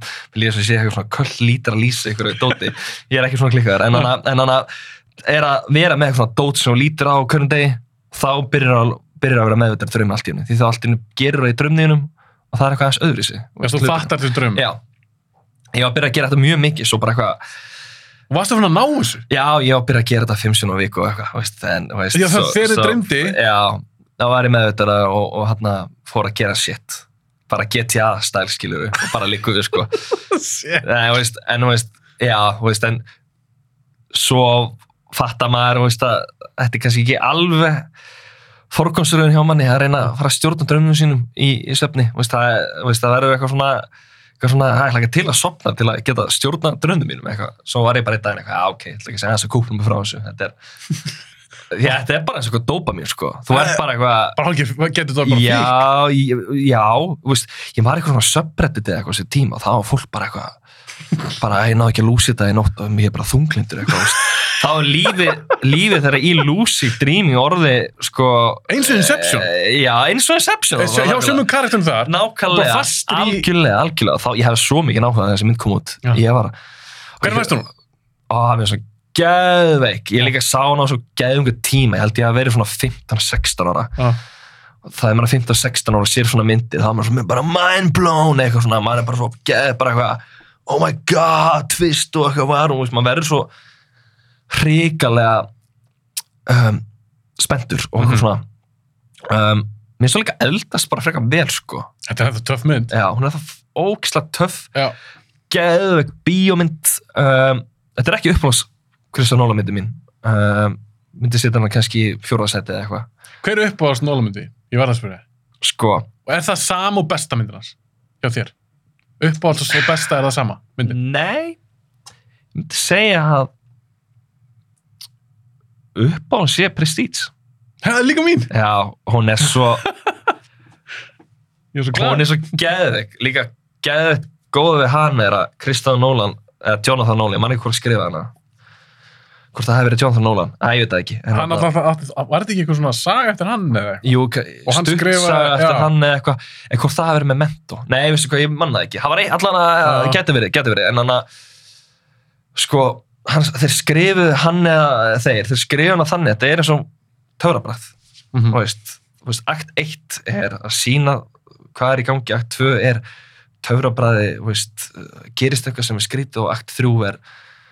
töfrabræði, þú veist fara eitthvað svona sjokkvali og eitthvað svona, Já. ég man ekki alveg, þú veist, og Mhm. hann þetta skrifa svo töfrabræð, það er svo geðvikt og öll myndin er bara ógislega góð og þetta er áður en, en Kristján Nólan verður svo ógislega hrifin af því að vera með eitthvað svona aðal karakter sem er ekki með nafn og heitir bara The Narrator eitthvað svona, veist. þetta er svona áður en að Nólan fer að Nólana yfir sig sko. sem ég finnst það búin að vera að gera undanfæri sko. eitthvað svona, já, þér finnst það? já, veist mér varst henni samt góð og mér varst líka hann að strísmyndin hans hann Don Kirk. Góð sko. En þetta var svona svo mikið eitthvað sko eins og Don Kirk var svo mikið eitthvað hvað er tími, hvernig upplifum við tíma? Don Kirk er mjög heimsbyggileg að fólk fatti það ekki því að við erum að sjá þrjásjögur gerast á þreim mismundu tíma línu. Mhm. eins sagan gerist á tveimur tímum, eins sagan gerist á tveim vikum eins sagan gerist á tveimur dögum og, og hvernig upplifið þið eitthvað veist, þetta var svo mikið að búa til flækjusti yfir strísmið fannst mér, það virkaði samt alveg vel og, og execute allt svo ógeðslega vel Mhm. og Tenet fannst mér samt að vera svo mikið Nolan runga, ég mæ- mætti segja það veist, þegar það er alltaf eitt aðrið til Nólamyndi þegar að Michael Caine þarf að að koma og útskýra hvað við erum að fara að sjá hann nota svo mikið hann hvað heitir það þegar ykkur karta þarf að útskýra Exposition. fyrir, ja, exposition já. Ég, ég veit ekki hvað var að vera. Nei, ég, það er svo mörg íslensk orð sem að veit ekki hvernig er það En exposition þýðir rauninni að kartin þarf að útskýra hvað er að fara að gerast næst veistu, hvað er að gerast í myndinni já. Já. Svona eitthvað svona, eitthvað svona sem, sem er þá í rauninni stundum samtal sem er svolítið ekki raunverulegt oft því stundum er þetta bara eitthvað Batman eins og í Batman Begins Batman að segja okkur áhörundum hvað er að gerast við hinn karakterinn hann myndi aldrei segja þetta svona skilur hann, þetta er svona, þetta er svona leið handriðsöfundarinn til að það nú ætlaði að taka tíman að útskýra hvað er að gerast í myndinni svona, og Nólan þarf að gera það rosa mikið út af því að hann er svo flotta myndir. Og hann gera svo ólungs þetta er alltaf bara, þetta er alltaf ég, ég hugsaði, ég sagði við konuna mína ok, bara með Michael Caine koma og útskýra fyrir okkur hverju fókast er í gangi því ég skil ekki neitt. Svo setta sér niður og bara eitthvað og Michael Caine eitthvað, bara yes, eitthvað og bara byrja strax eitthvað útskýra allt og eitthvað og, og, og, og, það var alveg fimm mynda atrið, bara eitthvað eitthvað, já, en það var gögti frá þeim en já, en gögti kom ekki frá honum uppalega því þau komu frá rússunum, en rússanir voru flæktir í þetta með bandar, veist, maður er bara eitthvað ah, Ég skildi ekki neitt sko. Nei, veist, mér fannst þetta rosa mikinn að Nolan, bara Kristoffer Nolan yfir sig um, Var hann of ástfangin af konseptinu mögulega? Já um, Hvað er þetta? Svo Tenet er fyrsta lagi bara skemmtilegt að horfa á Mm. um, Þetta tala við upp á bara flott hasraðriði Já, flott hasar og gaman að sjá eitthvað, þú veist, berjast eitthvað, baki tíman og eitthvað geðskrikt að segja þetta, þetta er eitthvað svona effekt sem gæti gert sem krakki mm Mhm. mynd og smújum ykkar Mhm. hann tekur alltaf fyrir level náttúrulega, skilur mm Mhm. og, og, hana, og eitthvað, en þú veist já, ég held sko hann ég held að hann þetta sé sísta myndina sem mörg á sko mér finnst það, Hver er bestu myndin hans? Memento Interstellar ég, mér finnst Interstellar bara fucking góð Það þér finnst hún geðið? er svo geðveik sko atriði bara þegar að þeir fara á plánutuna sem hann að og tími líður hann Já, já, já, já. það er svo störla, það er bara it's been 20 years eitthvað hana og hann og, Já, upp í skíðinni hann Já. að skipinu. já, og Matthew fyrir að horfa á hann að klippunar bara 20 ár sem gerist á okkur nokkru mínundum og hann fyrir að horfa á dóttu sína. Það er bara þú veist, ég grenjaði bíónu sko. Ég er bara, ég veit ekki hvað var, þetta bara hitti svo ógeðslega mikið á hjartastað eitthvað, ég veit ekki hvað var. Mér finnst það alveg geðveik mynd sko. Um, tónlisti líka, ég nóta hana mjög oft er að skrifa. Mm. veist, þetta, þetta er svo eitthvað Hlustar það meira kveikmyndu tónlist þú skrifar heldur en poplög eða rock eða eitthvað? það fer eftir handritum og hvað sjónara ég er að skrifa svo núna er ég að vinna svolítið gríni um, að skrifa grín um, þætti og þá var ég bara eitthvað, ég get hittur að hlusta okkur interstellar hérna, eitthvað Hvað hann simmer? já, eitthvað, það virkar ekki eitthvað, ég er skrifa eitthvað fyndið eitthvað, eitthvað dót og allt inni bara eitthvað, er bara Svo gett stefið, tónlist. já, veist bara nei, það virkar ekki, hann er að hann er að finna þú skulle spyrja þessu því gæri var ég svolítið að ströggla við þetta sko, Ah. því ég var bara hvað ég að hlusta á þá atna, þá fór ég að hlusta á bara hip-hop instrumental hann að RJD2 heitir hann, hann Já, já, ég... sem hann bam, bararam, dam, Er hann ekki dam. breskur? Jú, ég held það, ég held það og hann að og hann að sem basically bara hip-hop skemmtilegt, svona jazzað hip-hop stundum, bara instrumental með einhver rappa á, því að veist, ég get alveg hlusta á rap þegar ég er að skrifa en veist, rap er svo mikið gert út frá texta uh, og ég er að skrifa texta, það trubla bara ferðli, það verður bara einhvern veginn svona Já, já, já, já, verður- ég skilji. en ég get alveg hlusta, en ég hlusta mjög mikið á Radiohead þegar ég er að skrifa, Mm -hmm. erfiða senur það er svo típist eitthvað emo kid eitthvað en bara Radiohead. Já, ég er bara, sko, já, nokkur ára vínir, sko, stundum hefur gert það, uh, stundum hefur gert það, sko, ég er bara sett reytjótt á vínil og fara að skrifa og liður svo sé að runga sjálfur mér ótrúlega mikið, líður hræðilega, sko, við sjálfur mig, en við það svo gæðið, sko, ég er, na, já, ég er algjör Radiohead fanboy, sko. Ok, verð að spyrja bara eitt. Já. Og þetta er ekki, þetta tengið í bíomöndum. Tom York, Já, tónlistamæðurinn. Hvernig fílar þú sólustafar? mér finnst það, það fínt, sko. Uh, Ég er bara að dýrka það. Já, mér finnst það, um, hann gaf út hann um daginn eitthvað hann að dót sem var alveg geggja, geggja space og eitthvað hann að um, ég hef ekki hlusta eins mikið á það en allt sem ég hlusta fyrst mér bara gett. Ég er bara ég bara dyrka hlusta á Tom York og væpin hans, þetta er svo mikið fyrir, það fyrir bara inn í beini þegar hann byrjar að syngja falsettu og bara, maður er bara eitthvað svo það er eitthvað við hann. Ég, þú veist, Radiohead er fyrir mig bara besta hljóðsni heimi, veist, það er er uppáhaldsljónsti. Já, bara klárlega, bara, þú veist ég, þú veist, því ég fór á tónleika með hann Sigri Solstis, það var bara það var sturglað bara, ég bara ég á mig gæðsvo allar tíma, sko, þú veist, ég er alveg þar, veist, lögin hafa haft svo ótrúlega bara mikil áhrif á mig, því ég nota svo ógislega mikið í skapandi, um skrifum og fleira þú Ég, ég er þetta mikill innblástu fyrir því. það- 100% Að því þó sé, þetta er lög og tónlist versus þú ert að gera skrifa handrit. 100% sundu bara að byggja senur upp bara þegar ég er að skrifa og vera með reytjóð í gangi eða eitthvað. Það er ekkert á reytjóð, það getur líka verið margt annað. En oft er að reytjóð þá bara einhvern veginn svona fer ég bara í eitthvað són eitthvað flow því að maður getur notað tónlist til að koma sér í eitthvað flæði Já, er þetta er ótrúlegt. og ég bara einhvern veginn með lifin eins og ég bara allir líka mér sem að bregðast við einhvern veginn og ég sé ekki að skrifa það sé bara Mhm. einhvern veginn þetta er geðveitt dæmi sko og hann að Það er svo magnað hvernig einhvern veginn sköpunarverki á okkur um öðrum getur haft áhrif á það sem þú ert algjörlega, að algjörlega Það er fegur í þessu. algjörlega, ég er líka að nota streyti oft í leiklist og fleira þegar ég var að leika Mm. að, hana, ég var einmitt að leika ykkur zombie-mynd í Englandi Ég hefur leikið mikið.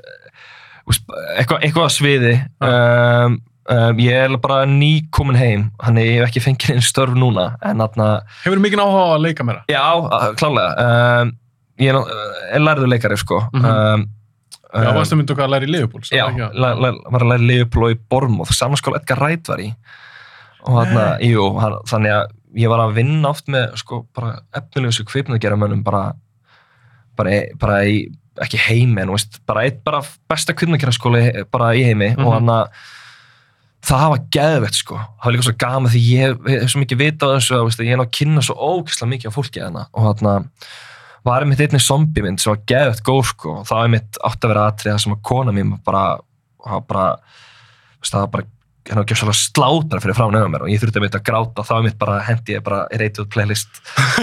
Og þau gafa mér 20 mínútur á settinu til, Ah. að- til að koma mér í, í grátin og eitthvað svona. Hversu erfitt var þetta? ha, Hversu erfitt var þetta?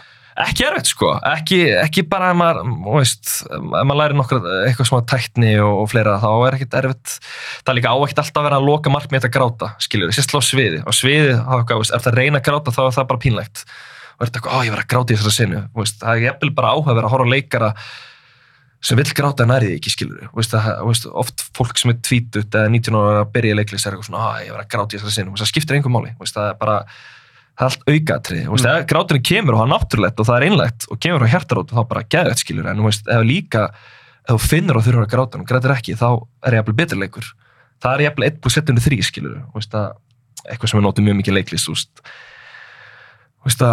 kann aðra slóðir í leiklist, þarf ekki alltaf að fara 1 plus 1 eru 2, sem Mhm. þarf að fara 1 plus 1 eru 3, nú er kannski eins og sé að lýsa einhverju, einhverju kvöldi hérna eða eitthvað svona dóti, en, en, en þetta er svona alls konar tækni og fleira í leiklist og hann að það var ekkert svo erfitt sko Mhm. um, og veist, það er líka til tækni eins og veist, fara í gamla minningar þegar eitthvað dói eða eitthvað skilur það er ekki mælt með því veist, og, og maður en ekkert að gera það Það getur mér ekki um það því ég, ég fengi tími leikar og leikonur. já, Tala um þetta, það er kannski ekki mælt um með því.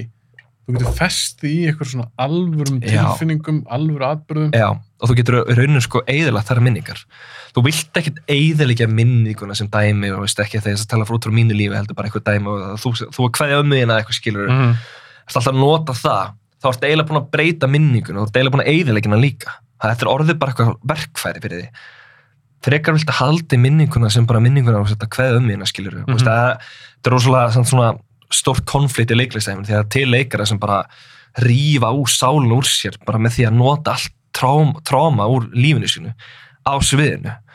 Um, Hilmi Snær hefur líst í viðtali veist, Mm. hann gerir það, veist, ekki það ég veit hvort það gerir það alveg 100% en veist, og maður hefur alveg það er bara, fólk það bara finna sína leiði skilur, hvað það gerir. Og það er til endalust af svona filosofís inn í leiklistina sem maður getur bara tekið maður getur bara tekið í mig slegt skilur og, og ákveða að gera svo orðið með Stórsson Bachmann sem leikara.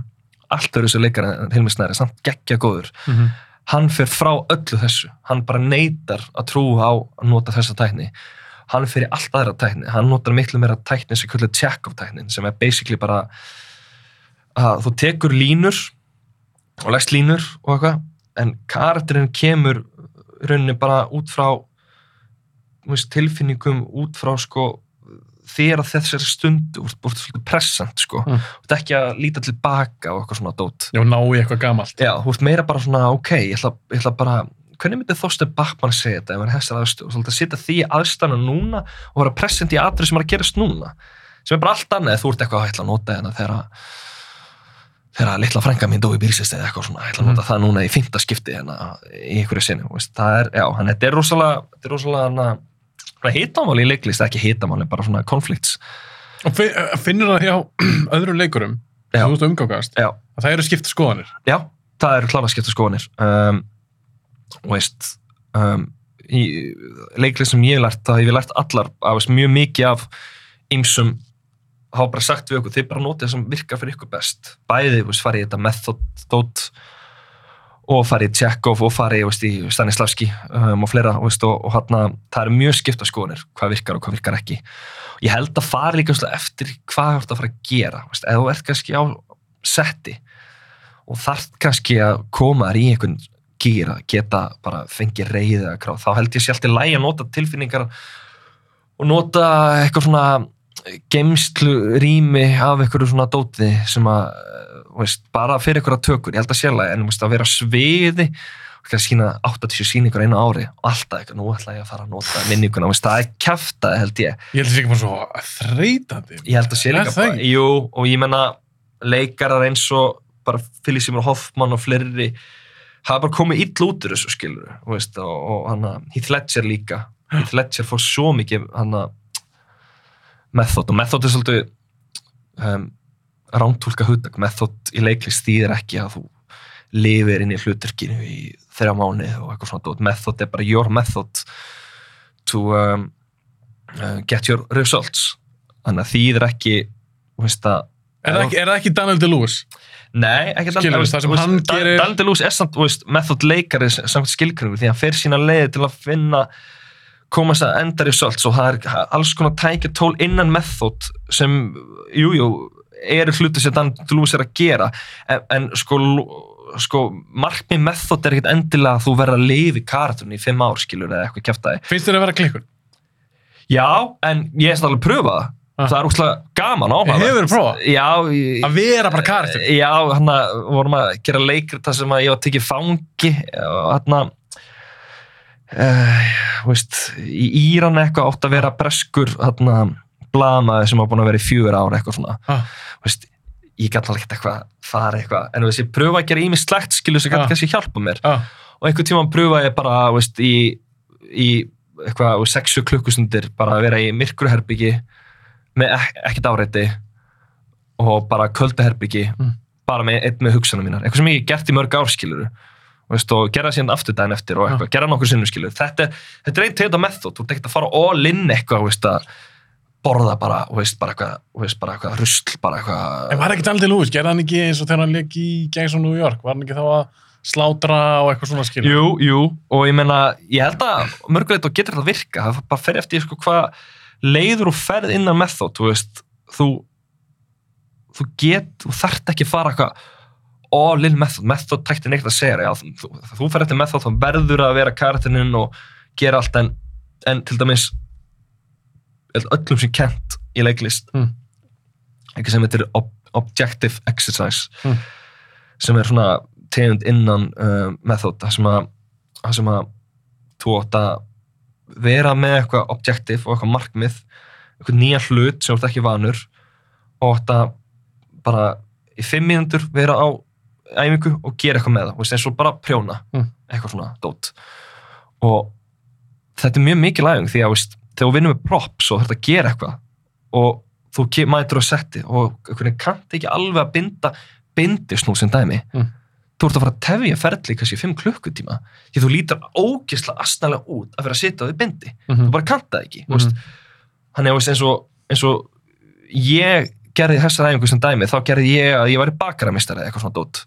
Og ég var að gera hérna muffins og hérna eitthvað svona geðfalleg skrutt aldrei baka muffins aðeinu minni það er mitt bara, tók ég bara tvær vikur og kifti eitthvað svona Amazon, eitthvað svona alls konar skrautót og svona póka til að gera og svona lit og eitthvað svona Mhm. ég var bara gekk góður í og þá fór ég, gerði það trið, gjössalega neldi það og veist, og leit út eins og ég hafi bara ekkert gert neitt annað í línuna á baka og veist, ég held að svona method gerir þessu svo ótrúlega góð skil að þú verður að lifa inn í og veist, eða þú ert að leika bakara eða, eða kokk sem Mhm. dæmi þú getur ekki mætt og sett og bara eitthvað svona veitu, gas, hvernig virkar það? Þú getur ekki því það mun tefja allt ferli og þú myndir í rauninni bara lítið ítl út og þá lítur myndin ítl út þó sem maður sjá það kannski ekki en maður hefur séð þetta alveg í myndi þegar fólk er að leika eitthvað svona, eitthvað svona störf að hann hefur ekki gert neina rannsóknarvinnu Hann er ekkert prófað Já, þetta. ekkert pröfa þetta veist, og, og hann að maður sér þetta náttúrulega best kannski í íþróttamyndum, maður vill ekkert endilega gæin sé eitthvað stórkustluður í í körubólta en bara eins og öllum knaspinu myndum sem er komið frá Ameríku það er bara eitthvað þessi ára góður í fótbolta. Hann kann ekki að reykja boltan hann kann ekki, veist, og hann, hann svona hleypur svona eins og sé, veist, ég veit ekki hvað. Veist, og það bara sem mikil knaspinu á hann, það tekur maður gjössalega úr skilur, það er náttúrulega auðvildast að dæmi þegar að sjá það í, í þannig dót. Þú veist hvað baka mig mest? Sorry, ég verði að koma í svo pet, pet, pet beef. já, já, Þegar fólk er að spila töluleiki oh my god, með, hérna. með Playstation fjastringu eða Xbox fjastringu oh my god. Og ég hef alveg að horfa fólki spila maður bara, þú veist, hefur aldrei spila einmitt, þú ert ekki svona fjast eins og, já, veist, þetta er svo íkt það er svo oft sem að fólk er bara að nota hérna líka. Allt verið er, er, hvað er að spila? hefur aldrei spila Já. Playstation eða Já, Xbox. Einmitt, þú alltaf eitthvað hérna já, þetta er svo svaka líkt Já, ég veit það. Um, Þetta hefur pyrrað mig svo oft. Einmitt, bara það, bara, herru farið til vina að spila Playstation í klukkutíma. Og veist, bara pröfa það skiluru, og veist bara, Nák, það þarf ekki að vera mikið rannsóknum hérna nei, einmitt, nákvæmlega. Prófa bara að hreyfa karakteri Já. og skjóta og svona. Þú, þetta lítur ekki eins út og þú ætlaðir að gera einmitt, sko. einmitt, einmitt. Þau taka bara eitthvað propp og er bara eitthvað, þú veist hræðilegt. þetta og maður, maður sér leikara sem augljóslega sita að rannsóknarvinnu og maður sér það líka sem gera ekki. Og þetta til dæmis sér maður hjá leikurum sem fyrir að tala íslensku í bíómyndum. Villi gera ekki mjög góð TikTok um þetta. Já, býtti, ég held ég að sé það. Já, hann að Aquaman hann veist það kemur hann aðfrið Já. og, máli er, skilur þegar þú farir leiklist, þú lærir þú lærir, fyrsta lagi, þú lærir hreima alltaf, þú lærir líka hvernig hérna, hljófræði virkar. Já. þú getur tekið hvaða texta sem er og ef þú gefur þér tíma í kannski tværi vikur lærir hljófræði og hvernig það virkar ættur að komast upp með að lesa hvað sem er. Já. á hvaða tungumála sem er. Ekki mm getur eitthvað nelt rúmensku skilur en þú gætir alveg bara veist bara, já, því kann hljófræðina og ég get bara yfirvarpað þetta á hvernig þetta búið fram auðvelt skilur, það ára auðvelt. Þetta, þetta er miklu auðveldra heldur. Hann kemur og er bara eitthvað ég veit ekki hvernig á að segja í myndinni eitthvað, eitthvað ég er komið frá hafinu og það er bara eitthvað, ég er eitthvað maður er bara eitthvað gauð, þú það er að borga sko, þú veist, 300 miljón íslenskar, þú getur ekki einu svona bara þú veist smá vinnu Þetta eru, eru þrjár, fjóra setningar ég veit það, þú veist, taktu tvo tíma, bara eitthvað veist, og, og veist, fólk er eitthvað, já, þetta er íslenska þetta er, þetta er ógeðslega erfið, veist, nei, það er ekki mál, þau, þau eru með tækni og tól tæki og þau eru meira með íslenska tólk og settur Já, get einmitt með kennara Já, eitthvað. bara gauð, hann hafði engan áhuga á því, það er vandamáli. Það er Já. helt bara ákvæmt, það er okkur 300 manna, 360 manna þjóð í Íslandi sem þau munu fatta, ég tala ekki nógu íslensku, já, en þú veist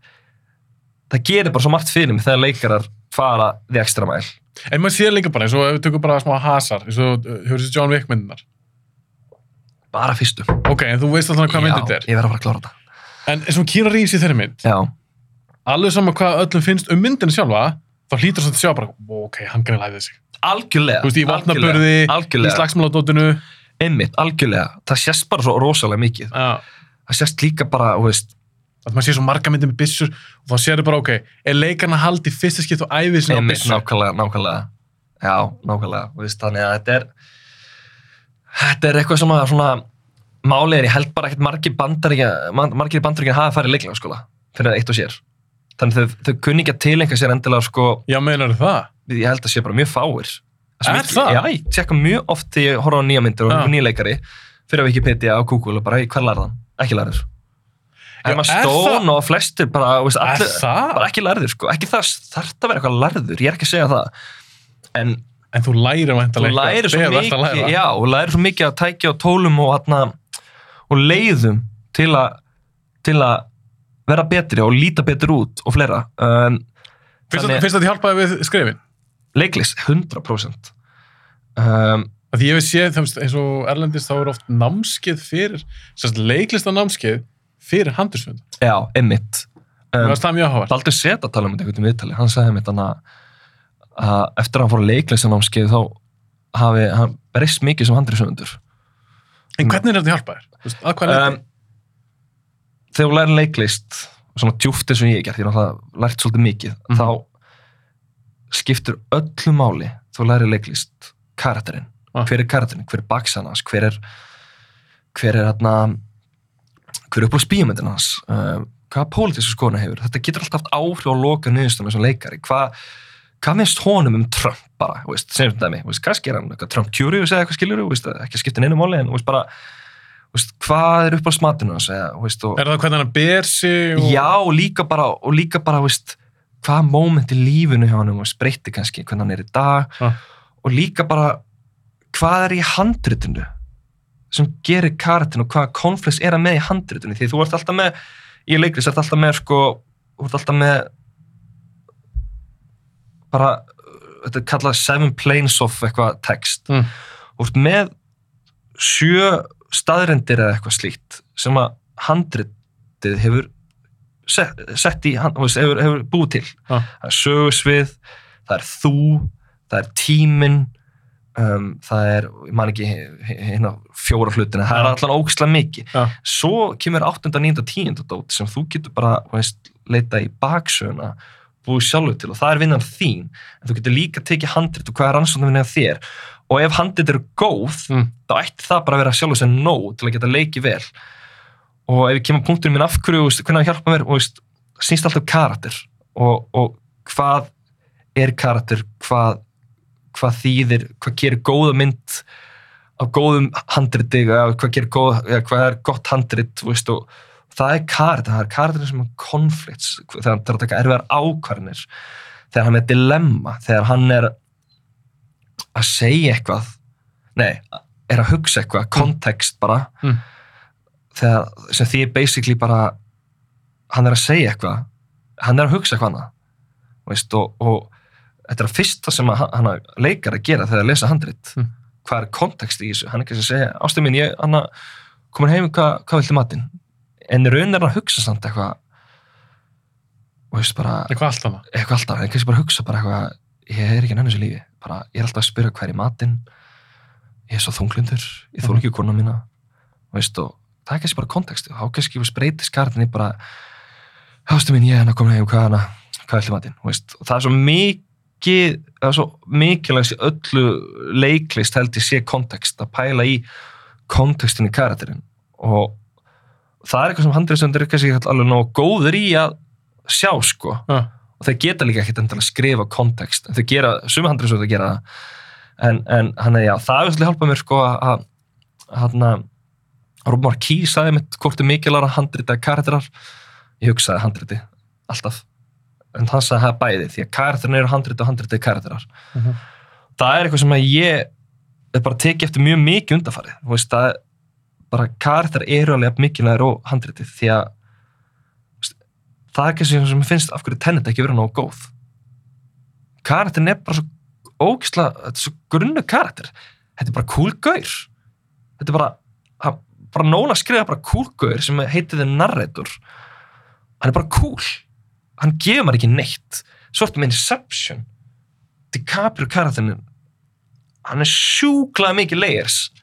Ég held að DiCaprio hafi elskað þetta og ég held ástan af hverju Inception er svona góð því að DiCaprio var ekki sáttu með draftin Það var, búin að heyra það líka. sko. Já, hann var ekki sátt að þess að það er eftir að vinna með hana. Hann er alltaf störla leikar hann fer greina allar leið, veist bara, og Og hún er ekki saman. hún er ekki sama. Hann sagði bara, herra, ok, þetta er cool mynd, en ég hef ekkert til að vinna með hana.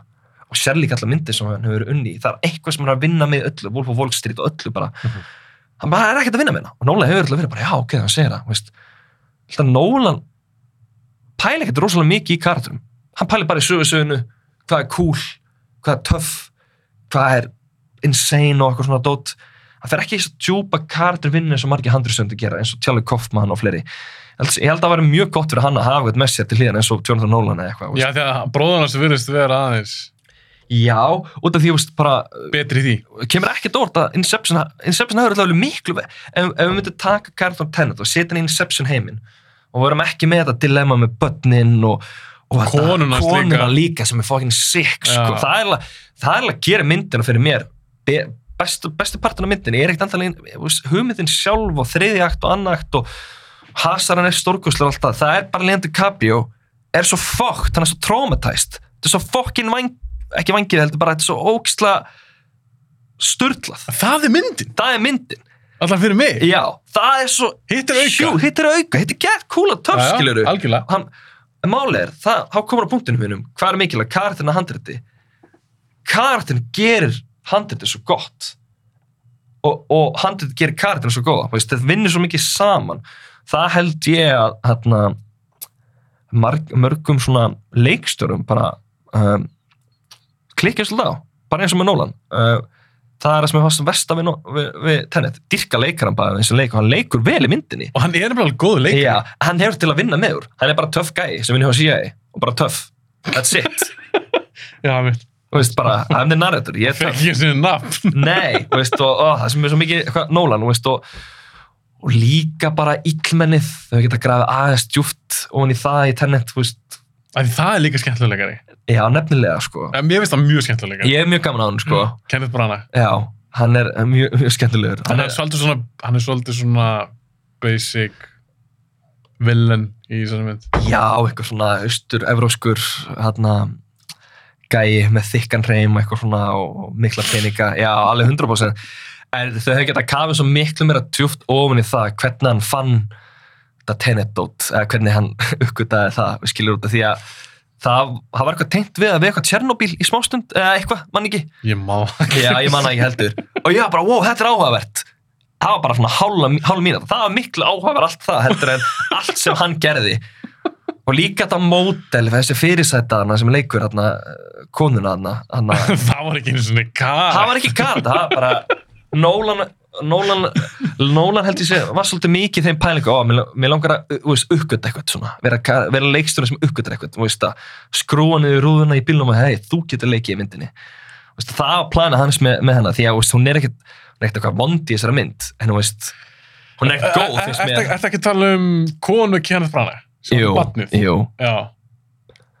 Já, hún fekk eiginlega ekkert mikið til að vinna með. Nei, hún fekk ekkert til að vinna með, enginn fekk neitt til að vinna með nema kannski hérna Robert Pattinson það var eitthvað smá Já, sem var eitthvað að vinna með. Eitthvað veist að hann hann var greinlega að fara að segja bæði hann og hann vissi það. Og bara þekki, hann er búin að þekki hann í mörg ár. DiCaprio er ekki bara að þekki hann neitt. Það er alltaf fáralega flókið mynd. Já, ég, ég, svo hef ég líka alltaf sagt, ég þekki alveg fólk sem dyrka hana. Og allt er góð með það, ég, hún var ekki eitt í markja mér. En hefði það eitthvað skemmt myndina ef við fengið aðeins meiri karaktera? Fleiri? Nei, alls ekki skilur, og kannski aðeins dýpri karaktera? Nei, alls ekki, alls ekki ekki alveg getað gert samt henni? hendur, já, hendur layers á aðalkarakter hendur layers á Robert Pattinson veist, veist, hendur layers á villain hendur layers á konuna sem er hættu eiginmannin og veist, Já, lá- láttu alltaf að hann reynir sinni í myndinni eitthvað að bjarga henni og Já. hennar. Af hverju? já, nákvæmlega af hverju? Af hverju? Af hverju er hún ekki alveg saman þau? Það er ekki missjónið hans Nei, þú veist, ég, það var ekki búið að selja með það Nei, að hann var eitthvað ástfangin á henni og, hann, og hún skipti hann svo miklu máli. einmitt Þú veist, hefði það sakað? Ef að þeir Nei, gert alls ekki en þetta er bara, þetta er bara uh, veist, galli myndarinnar bara, veist, bara veist, þið, þið meir sem tala um henni, þið minna fíla hennar sko. það er bara þannig því að veist, því ég var í bíó, þá var ég bara, ó, þetta er geggjað svo var ég bara eftir myndina, bara eitthvað já, eh, veist það er enginn karakter Þú veist, hann er bara leika kúlga, þetta er bara bara Já, vibe. já, ég, það er nákvæmlega. Og ég held að sko, já, að ég, ég er svo mikið pælt í tennet og við fyrir sér að bara á Já. og blara hana heil ég vissi, ég ég er ekki að kíkja síma mig sko. sem er gott, þú Já, veist að æfa því. En eins og með Tenet, ég, að ég tala svo mikið um hann og svona, en, en mér finnst áhugavert að því að mér fannst vanta svolítið mikla persónsköpun í myndina svolítið stúrt að tala um, já. Og hefði það eitthvað skemmt myndina ef við fengið aðeins meiri kartra Nei, ég, er bara, ég er ekki alveg að sjá að það er skemmt myndina. Nei, en það hafðu örgulega bara fengið fleiri Nolan karaktera sem eru bara vibe.